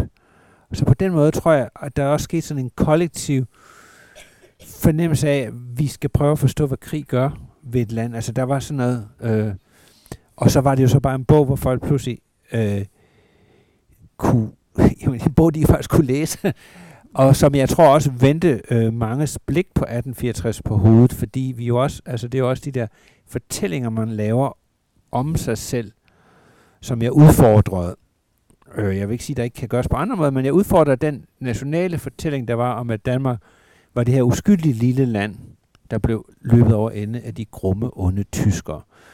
Det er selvfølgelig forsimplet, men man kan sige, sådan er der alligevel mange, der sådan har fået det med ind i, i skole øh, historie, fordi der var jo 2. verdenskrig, tyskerne var de onde, og så kan man ligesom lige slå det sammen med 1864. Men den historie, jeg fortæller, er jo også om et land, der er temmelig øh, altså sådan temmelig øh, naivt øh, øh, kaster sig ud i en stormagtskonflikt, som ender i en katastrofe. Så det er også en historie om en dansk katastrofepolitik, hvor man til en vis grad kan sige, at der var i hvert fald to om at danse tango, og Danmark var ikke nogen uskyldig part i den her krig. Danmark, en god danser. Ja. Man ønskede, man inviterede til dans. Og det, det, billede var, det var som om det ramte ind i et eller andet, og måske også fordi man lige pludselig kunne spejle i, hvad sker der lige nu? Hvorfor er vi kommet i krig? Hvem har besluttet det? Og er det den rigtige? Så jeg tror, det ramte for i mangel på bedre øh, øh, en, en tidsånd øh, også på en eller anden måde. Det, hvis jeg skrev den bog 10 år tidligere, er det ikke sikkert, den havde fået fundet den resonans. Det er jo ikke til at sige, det er bare nogle gæt. Ja, fordi det er jo, øh, der er jo mange gode bøger, som, som så har nogle læsere, ikke? men den her var jo virkelig en, der blev læst, og øh, du holdt foredrag, og mange var interesserede. Der kom mange til foredragene, ikke? Det var virkelig Jo, jo, men det var, diskuteret. øh, altså, og, Det var et fænomen. Jeg, ja. tror, jeg tror, de talte efter, så tror jeg nok, den har solgt over 200.000 eksemplarer. Ja. Og jeg holdt øh, alene i året 2014, da den her tv-serie, som altså, jeg vil lige sige, ikke, ikke en, jeg har lavet, så lad være med at korsfeste mig, som var ved at udløse den anden, den tredje slesvigske krig i sin tid. Men øh, i det år, der holdt jeg alene, i 2014, der holdt, kan jeg huske, jeg talte efter, jeg havde cirka 100 foredrag i det år. Ja. Øh, så, så nogle gange flere om dagen. Øh, og der var kom simpelthen der øh, bunende fuldt med mennesker. Det var ret utroligt at opleve. Og mange altså, bibliotekspersonale fik, det snakkede vi om lige inden vi kom ind Ja. her, fik nærmest sådan letter i, i hjerteslag øh, stop, fordi de vidste ikke, der fandtes så mange mænd i verden. De har faktisk ikke set mænd øh, tidligere til foredrag, andet end sådan en enkelt tvangsindlagt mand, der engang imellem blev nødt til at være god ved sin kone og tage med, ikke? Øh. Så det var jo et fænomen, og det var jo interessant at opleve, og skønt at opleve, at en bog kan være med til at sætte en form for dagsorden. Men det er jo også en bog, der har, hvad skal man sige, den er jo øh, stramt skåret, ikke? Vi har et slag, vi har et tidspunkt, Ja. ja. ikke? Vi har en konflikt, og så er der alt, hvad der foregår rundt om den. Fra det politiske lag, opspillet og så videre, og kommunikationen fra det Ja, politiske ja, lag til ja. det militære, helt ned til, til øh, på soldaterniveau. Og vi har de enkelte soldater. Og der gør du jo det, som er, er, synes jeg, er utrolig godt. Du gør det, du siger, når nu er den her person, som vi er blevet introduceret, ham vil vi møde senere. Ja. Hold øje med ham, ikke? Ja. For der er noget. Og så er han så igen, øh, og om to timer er han så blevet revet væk af en granat. Ikke? Så man ved så, man er sådan lidt frem og tilbage. Ikke? Man ved, man har et liv, som er en levende person, der render rundt, og vi ved, om to timer er han flået op af en granat. Ja. Ikke? Og vi kender hans øh, Ja. familie derhjemme, ja. ikke? han har skrevet hjem, for vi har læst hans breve, og så videre. Ikke? Så vi, vi, øh, vi, følelsesmæssigt er vi jo helt lukket op, ikke? Øh, for vi kan se, for det ved vi jo også, det politiske niveau, de forstår slet ikke, hvad der foregår. Nej. Øh, og, så, og så har vi en hel masse særlinge også der med, altså, Jamen, som, det er- som, Ja. som man tænker, jamen hvad er det her for et, et cirkus? Øh, ja, det det, er både sige. krig, ikke? og man, kan, man ved slet ikke, hvor man skal være. Fordi, Og jeg kan love jer, at de særlinger er der lige så mange af i dag, i dagens, krigs, øh, på Ja. dagens krigsskuepladser. Øh, jamen, det er rigtigt. Og to ting vil jeg sige omkring den bog. Øh, for det første kan man sige, hvis man, og det kæmpede jeg jo meget med, hvis man skulle få en moderne læser ind i, i den krig. Og, og, og, og altså, der var jo ikke noget, der var mere frygtet øh, ved eksamensborene, end at forklare det, sles, forklare det slesvigske spørgsmål. Altså, hvorfor kommer krigen 1864 overhovedet? Og det næsten alle værker, man tager, stort set alle, man tager, øh, og de der 3.000, de starter jo et eller andet sted med op evig ungedel i 1400 et eller andet, ikke? Og så er der lavet en komplikation, og de to øh, må aldrig blive delt af Slesvig og Holstener. Så er der arvefølge og ret, og så, så man kan bruge 200 sider, før man faktisk kommer til, at krigs, krigen starter, fordi det, er- det er virkelig en kompliceret konflikt, der leder op til den. Og der besluttede jeg, og jeg tænkte meget over det, jeg bliver nødt til at gøre det, man i mit fagsprog kalder en medieræs. Altså det vil sige, at man starter midt i historien. Og det er også lige præcis det, altså hvor vi følger, bogen starter den 17. april. Det vil sige dagen før slaget. Og der ved I alle jo godt, at dagen efter sker der noget virkelig stort. Og, og så følger vi nogle personer meget tæt, en 5-6 personer, som hver har en rolle. En, en tysk soldat, en dansk soldat, en, en britisk krigskorrespondent, øh, en, en preussisk general, der skal tage en beslutning, en, en, øh, en, øh, en, øh, hvad hedder det, en rød kors udsending, som for at tage øh, Ja, en, der i den grad er, ikke, og kigge, ja, som er, er øh, og, øh, og det jeg gjorde, som jeg tror øh, også overraskede folk, det var jo, jeg, jeg gjorde det, som Tom Wolfe ville have gjort, eller alle andre, også en historiker, men jeg gik helt ned for at ville kunne beskrive præcis, hvordan var vejret den dag, hvordan var, altså alle de, så man kan se, bygge scenen op, og jeg, jeg gjorde noget, det er faktisk ret få, der har bemærket, men hvis jeg selv skal sige det, så har det tilføjet noget nyt til, til den historie. Der. Jeg, jeg tænkte, jeg har altid været interesseret i, hvordan ser der ud? Hvordan har der set ud? Hvordan ville det være at være på Dybel Banke den 18. april, for eksempel efterslaget, om man går rundt der? Hvordan kan man finde ud af det? Jamen, det kan man jo ved, der er jo nogen, der har lappet alle de her mange tusinder af sårede sammen. Og det er jo, det der er ved militæret, det er jo, det er en byråkratisk maskine. Det vil sige, der er også lavet afrapporteringer fra lazaretterne. Det var der aldrig nogen, der havde været inde i. Men så fandt de simpelthen, især tyskerne havde lavet sådan nogle helt vildt, øh, øh, altså de, de, der er nogle tyske læger, der simpelthen havde øh, kronolog, altså simpelthen i, i, i rækkefølge beskrevet hver enkelt tilfælde af de der hundredvis og hundredvis og hundredvis af sårede. Ham her havde vi fald tvej. Altså øh, vores tilfælde to havde fået skudt maven op, og ind, øh, han havde en granat siddende dybt inde i tarmene, som vi prøvede at hive ud, og han havde det ikke særlig godt bagefter. De har selvfølgelig skrevet det i, øh, i, militær, øh, i, i læge, og, og ham her havde fået benet øh, op ved lårknoglen, hvor det blev revet af, og der var gået koldbrand i benet, og han døde øh, tre timer senere, og så videre. Altså, så der kunne man gå ind i hver eneste sag, og på den måde, skal vi sige, male, altså, sådan fra, altså, besk- og jeg tror, det var det, som jeg i hvert fald også ville på det tidspunkt. Jeg ville prøve at fortælle, at der er ikke noget romantisk ved krig. Der er ikke noget som helst romantisk ved krig. Og der var vi blevet lidt naive, tror jeg, som nation.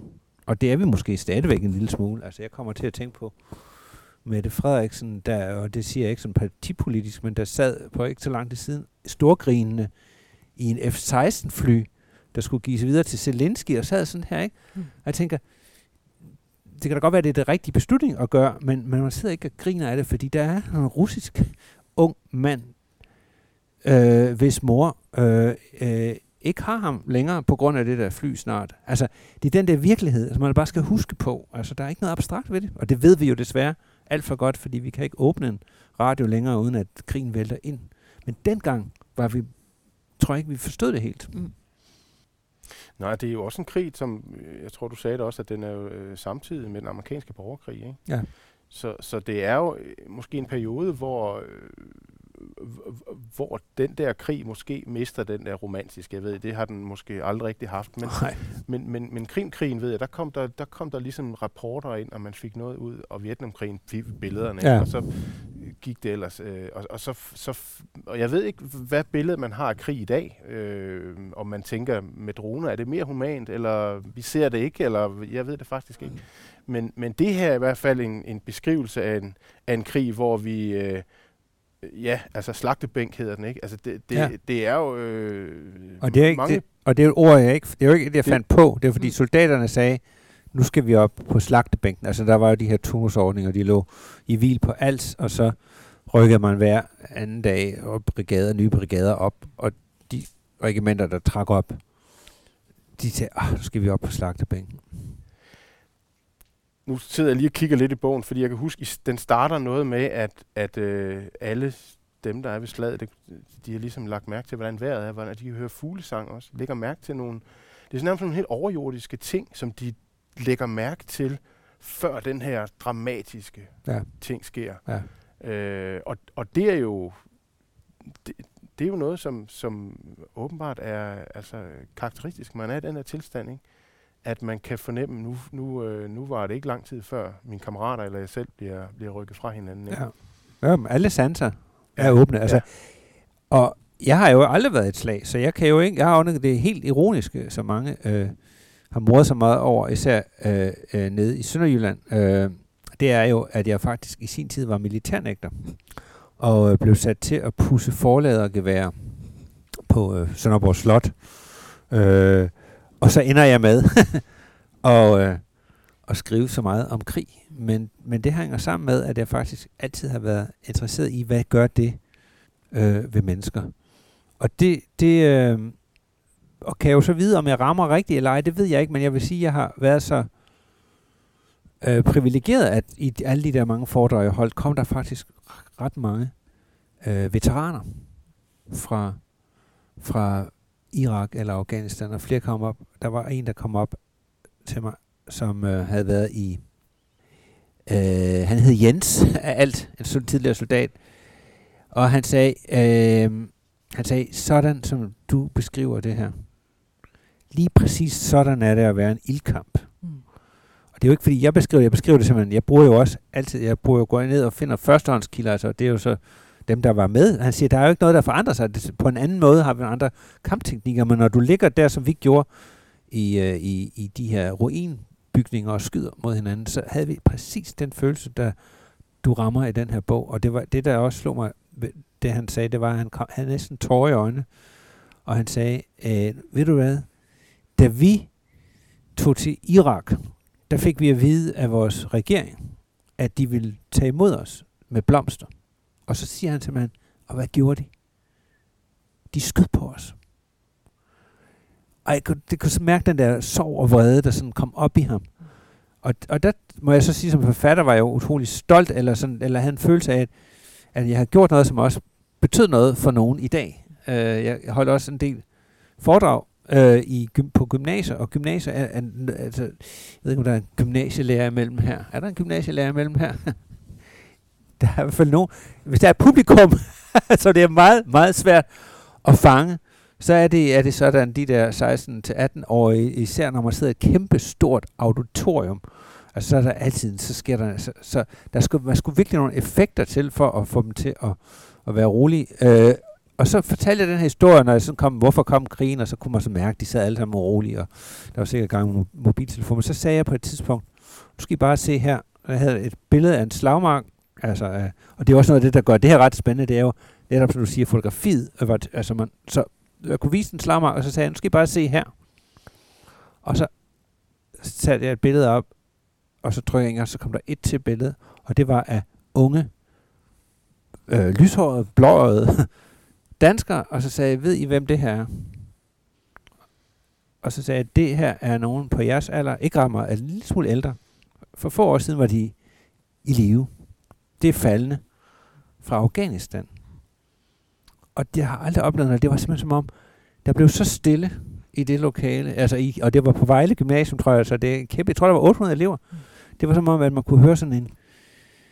Altså man kunne, man kunne, man kunne have hørt sådan en nål falde til jorden. Øh, øh, øh. Lige pludselig blev historien relevant for dem.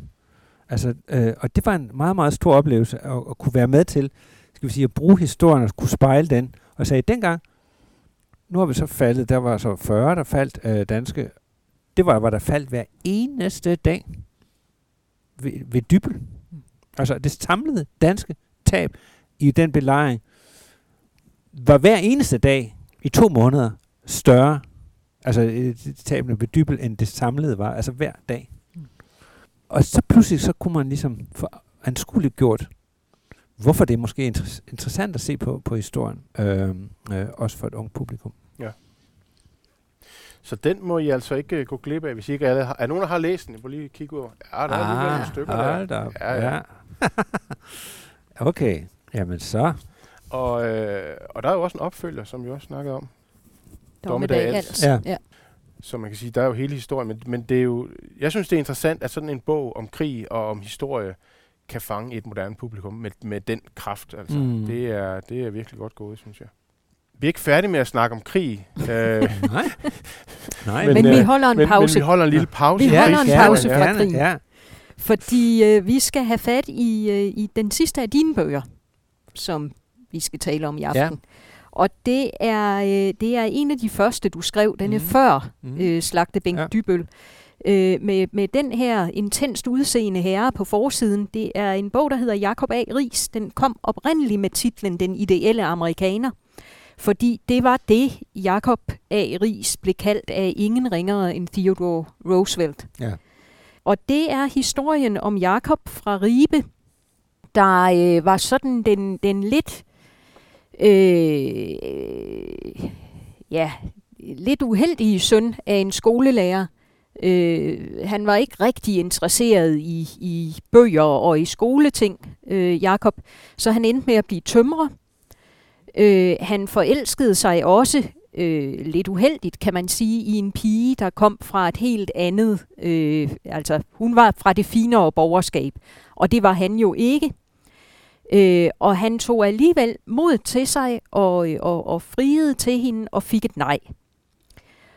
Og så var, øh, var gode dyr jo rødne, og han øh, rykkede til USA, fordi det var der jo mange, der gjorde på det tidspunkt. Og der gik han igennem rigtig mange forsøg på at, at, at klare sig. Han var minearbejder. Han solgte, var det strygejern ja. på et tidspunkt. Ja, det gik strygende. Øh, ja, eller måske ikke helt så. Ja, ja lige pludselig gjorde det jo. Øh, og på en eller anden måde endte han som journalist øh, og, og begyndte at skrive artikler, blandt andet om forholdene i New Yorks øh, slumkvarterer, hvor han jo selv havde som fattig indvandrer havde befundet sig. Øh, og vi kommer også lidt tilbage til det her med fotografiet, fordi han tog også nogle billeder, eller fik nogen til at tage nogle billeder af forholdene i slumkvartererne. tog ud og holdt foredrag af, om det, og fik åbnet Amerikas øjne for de kummerlige forhold, der var i slumkvartererne. Og arbejdede sammen med præsident Roosevelt, og øh, før han blev præsident også, øh, og havde et personligt venskab med ham. Hans bog, der udkom med billederne og med beskrivelserne fra slumkvartererne, hedder How the Other Half Lives. Og jeg var, jeg var faktisk lige inde og, og søge på den på en øh, netboghandel. Der er udkommet en, øh, et genoptryk af den her i 2020. Og det er altså billeder, der er fra slutningen af 1800-tallet, men de, de bliver stadigvæk husket i USA, og den bog bliver stadigvæk genoptrykt og bliver stadigvæk øh, brugt. Den hedder How the Other Half Lives, altså hvordan den anden halvdel lever. Så, så det er jo lidt endnu en af de der historier, der er så fantastisk, at ja. Øh, hvis det var en roman, så ville man tænke, der havde forfatteren strukket sig lidt rigeligt. Øh, og, og i øvrigt fik han jo også pigen til sidst. Det gjorde han? Ja. ja. Øhm, fordi selvfølgelig gjorde han det. Det, det øh, man må sige, at han var vedholdende. Ja. Ja. ja. Jamen det er rigtigt. Det er min øh, sådan første rigtige bog, man vil. Øh, det var eller min første biografi. Og den var meget inspireret af også det job, jeg havde på det tidspunkt som korrespondent bosiddende i USA og i New York, hvor han jo så også øh, arbejdede. Øh, og øh, øh, jeg var meget ung journalist. Før jeg startede på Weekendavisen, var jeg, var jeg på noget, der hed Det Fri Aktuelt. Så I kan se, hvilken historisk genstand jeg også er. Og havde øh, en, en masse freelance øh, arbejde for dagbladet. Og der var et tidspunkt, hvor jeg blev øh, bedt om at tage, der boede jeg faktisk i Atlanta, blev bedt om at tage til New York at dække en fotoudstilling, der var af denne Jakob Ries, som jeg havde hørt en lille bitte smule om i sin tid, da jeg havde studeret i USA. Øh, om den her dansker, der havde, der havde taget det. Men jeg havde glemt alt om ham, og så kom jeg op, og så så jeg den her udstilling af hans øh, øh, øh slum, altså det han, han, han drog rundt i, i The Lower East Side, og der hvor der var en enorm koncentration af indvandrere. Det var sådan en flaskehals for indvandrere. Der, der var en, en befolkningstæthed, som øh, var, ville svare til, at der skulle bo noget med 20 millioner mennesker inden for, for Københavns vold. Øh, altså, det, det, de stu, boede simpelthen stude sammen, men så så hans billeder, og de gjorde også indtryk på mig, men ikke så stort endda. Altså, fordi der er jo så sket det, der kommer tilbage til lige om øjeblik, men man kan sige, han dannede jo skole for noget, vi så siden han har set så utrolig meget, nemlig fotoreportager. Men det, som jeg så slog, slog mig, det var, så fik jeg i forbindelse med den udstilling, sat mig ind i hans liv, og da jeg så læste den livshistorie, altså den her øh, øh, dreng fra fattig dreng, tømrer dreng fra fra Ribe, der ender i det hvide hus, hvad han stort set gjorde, fordi han blev bedste venner med Theodore Roosevelt. Tænkte, det er simpelthen også og den pige, som han så alligevel ikke fik, og så til sidst fik. Tænkte, det, kan simpelthen ikke, det, det er simpelthen for vildt.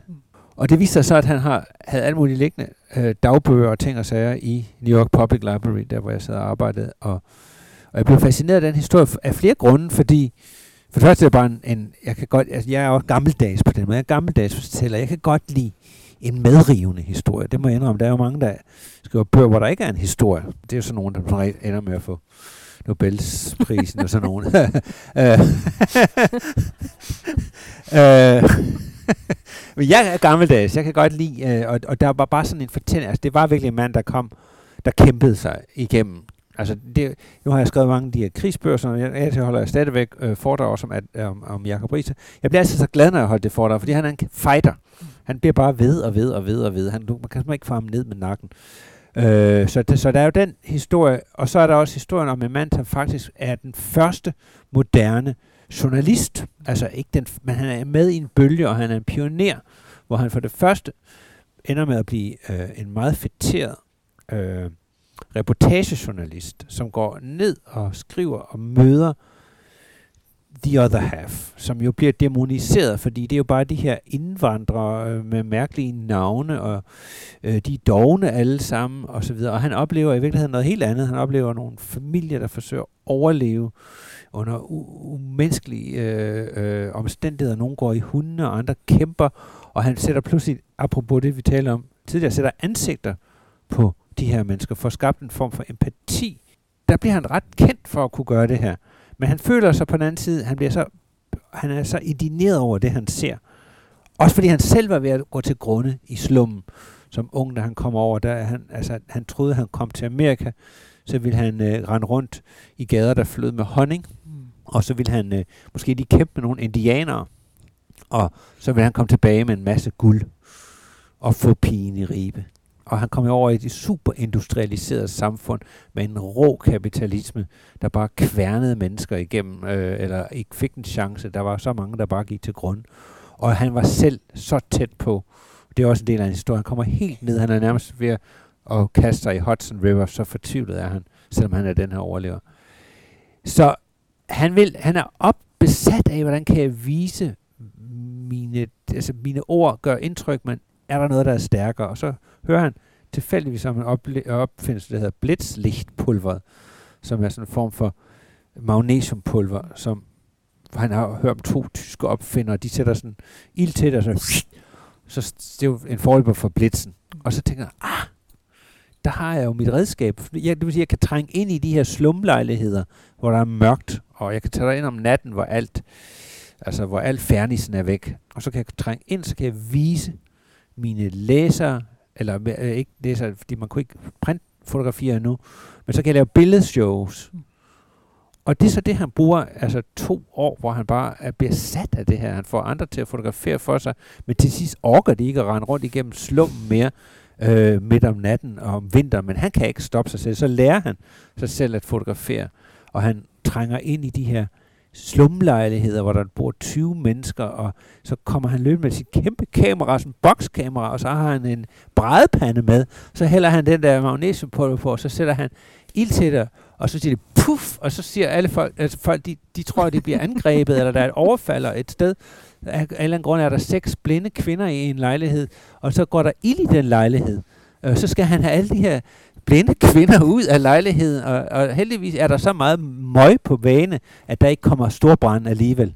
Øh, men det han så formår at gøre, det er, at han begynder at holde foredrag, lysbillede, altså det er en form for lø, forløber for, for en, en lanta, øh, mag, øh, lanterna magica. Han, han kan vise øh, primitive lysbilleder, men, men, men, men, men på det tidspunkt var fotografiet noget, som næsten kun blev brugt til at vise skønhed. Og så pludselig viser han de her, han kalder også sit foredrag The Other Half Lives and Dies. Øh, og folk besvimer, når de ser, at de har aldrig set fotografiet brugt på den måde. Mm. Og, at, og så i halen på det udgiver han sin bog How the Other Half Lives, som heller ikke er med fotografier, men med raderinger efter fotografierne. Men alligevel, han er med til at, at skabe en, en, en, en social bevidsthed. Altså USA tænker vi tit som et land uden socialt sikkerhedsnet, og det er også rigtigt, men der har været masser af reformbevægelser, og, og, og der kommer en meget stor reformbevægelse, som han er en del af, som han bliver en talsmand for, og får en stor gennemslagskraft. Og der er jo fascineret af, at vi har den her journalist, der med sit ord, eller med at drage ud, ligesom Tom Wolfe, der viser tingene, der, bruger, der i stedet for at finde på ting, går ud og viser omhyggeligt. Og på den måde få skabt øh, en bevægelse. Og det tror jeg måske, skal jeg nok holde op med at sige ret meget mere, men vi lever en tid med fake news. Vi lever en tid, hvor alt bliver spændet, og vi kan ikke stole på noget som helst. Det som Jacob Ries var en del af, og som Tom Wolf i den grad også var en del af, det er, at vi, bliver, vi skal det handler om fakta. Det handler om at formidle dem, så folk bliver revet med, og selvfølgelig har man også en dagsorden, men det først og fremmest handler det om, om uhyggelighed, om omhyggelighed. Ries brugte to år i slummen for at komme tilbage med sit dokument. Mm. Det var andre tider. Det er en øh, rigtig, rigtig interessant bog. Øh, jeg kan også anbefale, hvis man øh, kommer til Ribe på et tidspunkt, så er der et rigtig fint lille museum for Jakob A. Ries, fordi øh, selvom Ribe ignorerede ham i mange år og ikke var særlig stolt af ham, så er de nu blevet lidt stolte af deres øh, bysbarn. Så det er et museum, jeg også godt kan anbefale, hvis man er på de kanter. Og så er vi ved at være nået. Jamen lige inden, øh, fordi bibliotekarer læser jo mange mærkelige ting nogle gange. Øh, okay. Sådan er vi jo. Ja. jeg, jeg, på en eller anden grund har jeg fordybet mig i, i den tragiske begivenhed, der hedder Drukneulykken ved Harboøre 1893, hvor 26 fiskere mistede livet ved ja. storm. Ja. Og det var sådan en begivenhed, som selvfølgelig i lokalsamfundet skabte stor øh, opmærksomhed, men også faktisk hele landet. Ja. Så da der skal holdes en begravelsestale, så er der altså journalister med fra, fra hovedstaden, fra politikken, blandt andet Kavling ja. over. Ja. Og den præst, øh, Pastor Mo, der holder den her tale, øh, den tale har han jo holdt mange gange over, men det bliver virkelig sat frem som den store svogl øh, tale over de her øh, fiskere, der ikke har omvendt sig og fulgt Jesus. Ja, han var, og, han var mørk i Han var meget mørk i ja. mission, den her pastor Mo. Også tidligt, han bliver senere bliver han formand for intermission. Men det er sådan en af, han er en af de personer i hans kirks øh, mm. fiskere, ja som handler om den her øh, episode også, eller det, det, det lag der. Ikke? Og så læste jeg hans selvbiografi, en meget kort bog, hvor han også er opvokset i Ribe. Og så skriver han så om, at der var en lærer, han ikke kunne lide, der hed Ris, som altid slog ham. En meget umiddelbydelig lærer. Ham kunne, ikke, han kunne han ikke lide. Til gengæld var han gode venner med hans, hans søn, Jakob Ris. Nå, den har jeg faktisk ikke. Altså, altså hvem, hvem er det, der skrev det? Det er ham her, Pastor Mo. Ikke? Ja. Og, og jeg tænker sådan, og han skriver også, jamen, og han tog til USA og blev ven med Theodore Roosevelt. Og så ja. skriver han så, at og det glæder mig meget, fordi han døde som en troende mand. ja, det, var selvfølgelig. Ja. Men jeg tænker ja. på, de der to drenge, ikke, der, mm. der går to vidt forskellige veje ja, i ja, livet, ikke? Ja, fuldstændig. Men har haft et venskab ikke? Ja. I, i skolen. Ja, det var, det var interessant. Nå, det vidste jeg ikke. Så, så, så han... Ja. Øh, okay. Men, men nu skal vi til noget med krig igen. Nå for Søren, jamen, øh, ja. og hvis, øh, nu må vi se, om de øh, udvandrer. Øh, ja, vi skal, vi skal have, og det er vel også den sidste, nu kigger jeg lige over på Sanne. Det er den sidste den bog, Den sidste bog ja. i aften. Og den øh, mindste. Og den mindste, den tyndeste. Erik Remarks Intet Nyt fra Vestfronten, som er øh, ja, nok sådan antikrigsbogen over dem alle. Øhm, og øhm, det er Remarks øh, debut. Han var selv øh, med ved fronten øh, under Første Verdenskrig og oplevede skyttegravene. Øhm, og beskriver det her i, øh, og man kan ikke undgå, nu har vi snakket om, om, om slagterbænk øh, dybel, at man kan, det, i, det her, I den her bog har vi ikke alt det politiske, alt det ovenover. Mm. Vi er kun sammen med kammeraterne ja. Ja. i skyttegravene. Ja. Og der bliver beskrevet et venskab, som går ud over alt. Altså, de, når de ligger der, øh, jamen, så er de tættere end med deres elskende derhjemme. Og nu skal man også tænke, som du også sagde, det er jo ikke, fordi det er gamle mænd, det er unge drenge, ikke? Mm. som jo i løbet af, af meget kort tid oplever øh, alt, alt for meget. Mm. Øhm, han bliver selv øh, såret, øh, øh, Remark, og kommer, eller Paul, som er mm. hovedpersonen, mm. og ligger ved et lazaret og kommer væk. Og det, mm.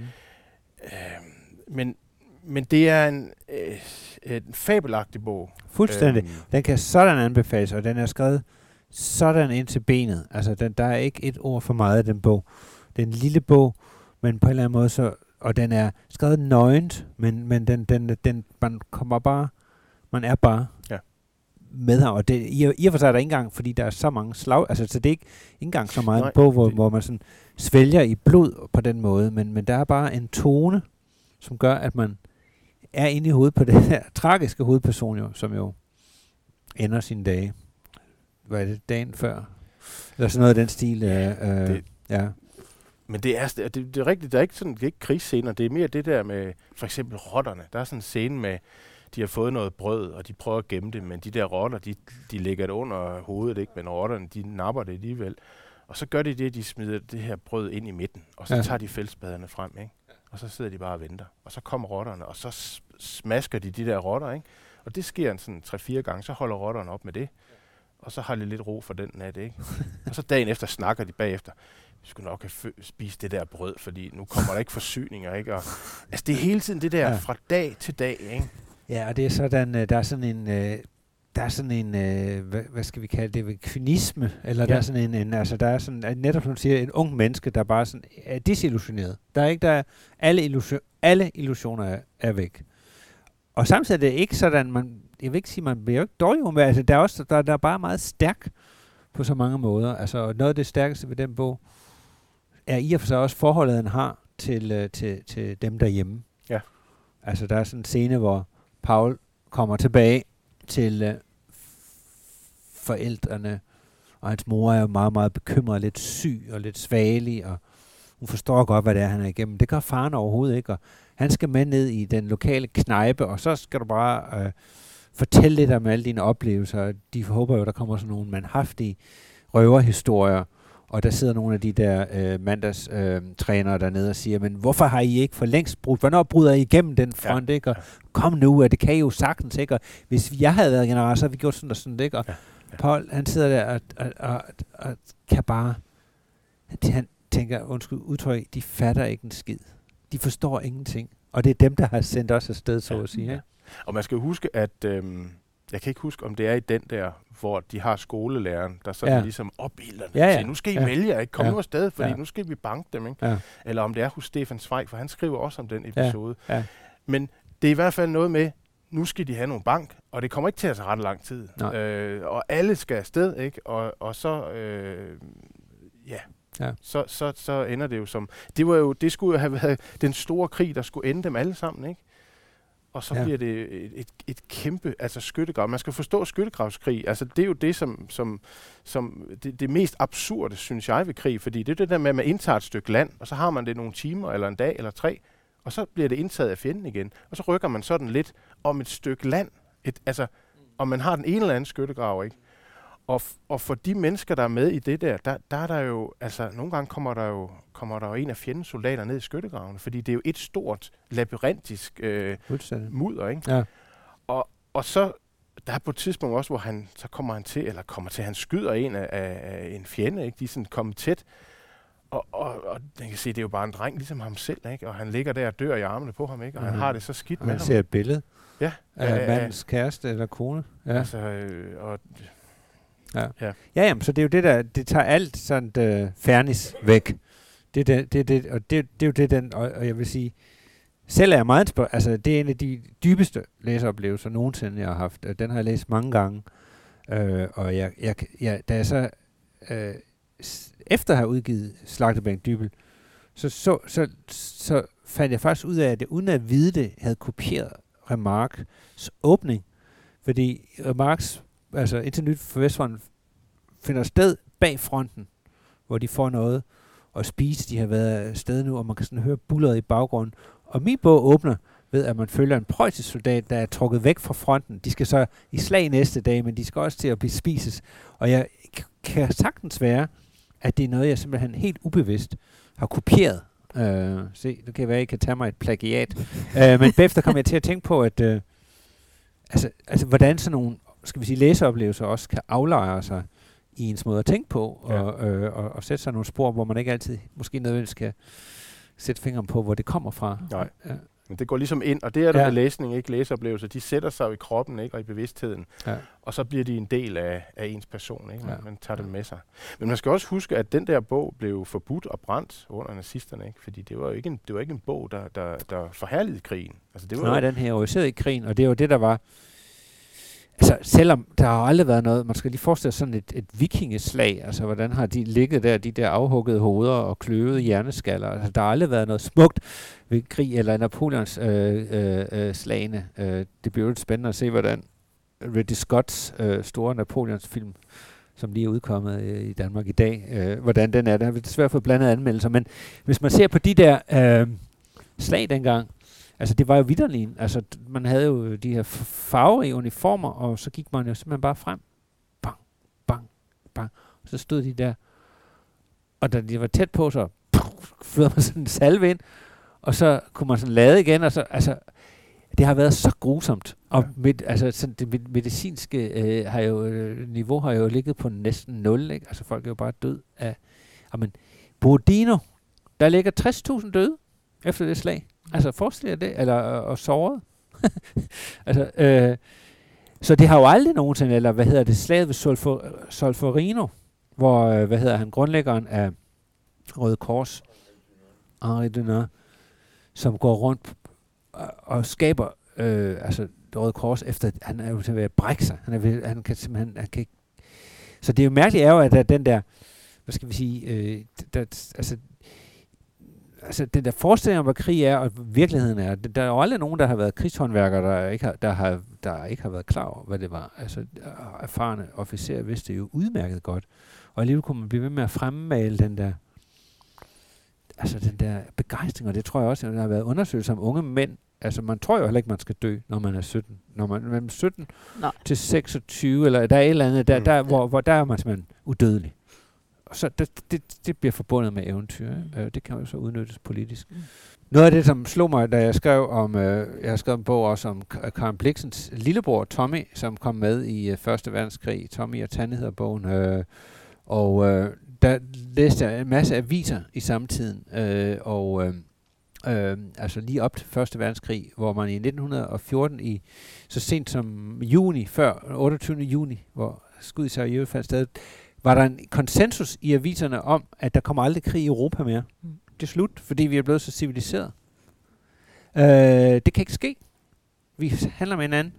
Og så ved vi jo, så kom første verdenskrig, så kom anden verdenskrig, og nu har vi jo i vores del af Europa levet en, en periode, hvor der egentlig har været relativt fredeligt, men lige pludselig ser vi, hvordan det vælter ind over. Så nej, jeg tror, altså desværre, at det er kommet for at blive. Mm det, det kunne jeg jo godt holde helt for dig om det her emne. Jeg har skrevet en bog, og det skal jeg prøve at gøre kort, altså sådan en time eller sådan noget, ikke?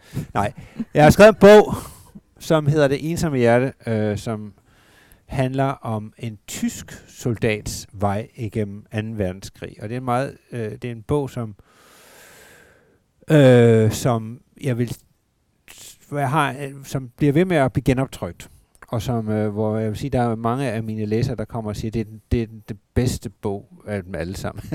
øh, og så er der selvfølgelig andre, der har en anden mening, men den går meget, meget dybt hos nogen, og den meget korte version af den øh, historie er, at det handler om en, en, en ung tysk mand, som simpelthen ikke havde et græn af soldat i sig, og ikke var et græn af nazisme. Han var kunstnerisk, han var musikalsk, han spillede cello som en en, øh, altså en, øh, en, øh, en koncertcellist. Øh, han øh, var bolig og læste bøger, og så kommer skal vi sige, 2. verdenskrig rullende, og han bliver taget til gissel i den her krig og skal tjene, og han hader hvert sekund, og han oplever de mest grusomme ting på Østfronten, og så bliver han såret, og så bliver han uddannet som militærlæge, og kommer tilbage til Østfronten, og oplever igen de mest vanvittige ting og bliver dybt traumatiseret, men formår, fordi han har en sønderjysk familie, kan han noget dansk, og han får en tysk kone undervejs. Der er en stor kærlighedshistorie i det også. Det har jeg heller ikke noget imod. Det må der meget, meget gerne være i bøgerne. Øh, og så lykkedes det faktisk at komme til Danmark, og han bliver, bliver læge i Danmark. Øh, og, øh, og han fortæller ikke rigtig nogen om sine oplevelser. Han, han kan dans som en indfødt, så godt han har det her mus- musiske øre, men han sidder i mange år og skriver på sine erindringer øh, øh, som først, da han dør for alvor, finder børn ud af, hvad det er. Og det er, det er 5.000 sider, han har skrevet om at være med på tysk side, og være det her menneske, som hvis liv bliver taget til gissel. Og han er selv en ret god skribent, men han skriver til sin familie. Så der er rigtig meget af det, som ikke vil være interessant for en, en, en læser, øh, som ikke er familie med vedkommende. Og så, så er han en gudbenået maler, og han ender jo faktisk med at blive opdaget, da min bog udkommer og, og kommer på galleri øh, øh, i Aarhus. Øh, og han, han, så han sidder og skriver, og så har han de her ekstremt stærke akvareller, som han illustrerer sin historie med, for at vise sine efterkommere, hvordan der så ud. Han, han siger, hvis der er en dag dør, jeg vil ikke snakke om det nu, vi skal bare den krig væk, men når en dag dør, så kan I se, hvad vi har været igennem. Og det er simpelthen et forrygende værk. Så familien kontakter mig og siger, vi kan ikke selv skrive en bog, men vi tænker, det er noget for dig. Og det ramte lige hovedet på sømmet. og det skal så være min afslutning her, altså fordi jeg er selv rundet af en historie, der minder om den. Min far, han øh, øh, kom fra Tyskland, og hans farfar var, hans far var med på Østfronten som øh, sanitetssoldat. Der kan vi sådan se øh, lazaretrapporter og sådan noget, så jeg tænker, hvad min farfar har oplevet, det tør jeg ikke engang tænke på. Han kom i fangelejr i Sibirien og kom tilbage og døde kort tid efter som 42-årig af ødelagt hjerte, og min farmor var flygtning øh, under 2. verdenskrig med min far. Øh, men der er ikke nok kilder, vi har ikke ret meget om ham. Så den historie, den ramte lige midt ind i noget, jeg havde øh, virkelig behov for at fortælle. Jeg tror faktisk, jeg har fået min farmors krigstraume med mig. Nu kommer vi tilbage til, hvorfor jeg blev militærnægter. Men min farmor har siddet og fortalt de mest vanvittige historier i mørke, da jeg besøgte hende i hendes lille, lille hus i, øh, i, i Tyskland, i Hameln, fordi hun, hun sparede på alt, så hun skulle, hun skulle ikke tænde for lyset. Fordi det var ingen grund til, man kan høre lige så godt, du kan høre lige så godt, øh, hvad jeg siger, når der er mørkt, som når der er lyst. Og så har hun siddet og fortalt om, hun er blevet voldtaget. Altså det har hun så ikke fortalt, det så siden han fundet ud af polakker og russer, hele den der historie. Mm. Og for mig, altså selvfølgelig kan man se 2. verdenskrig som den uhyrelighed, det var, at den kommer, at nazismen kommer, alt de forbrydelser, de, de lavede. Men man kan altså også se på den historie, synes jeg, som, i, som vi alle kan opleve. Man bliver taget til gissel af noget, som er nogle store kræfter, man ikke kan gøre noget ved. Altså, vi, de fleste er, er jo enige om, at, at Rusland er aggressoren i den krig, vi har nu.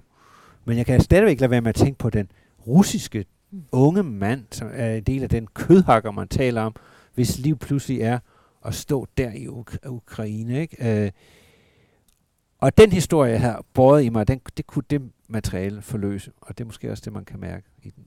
Så tror jeg, hvis vi skal sige amen for i aften. det tror jeg, vi skal. Vi slutter den her episode af Slør Live, øh, hvor vi har haft besøg af Tom Book 20. Mange tak til dig. Det har været en fornøjelse, øh, på trods af den meget krig. Ja. Så har det faktisk været en, øh, en, en rigtig god samtale, synes jeg. Og så vil jeg ellers bare sige tak for i aften. Ja, tak. Tak. Okay,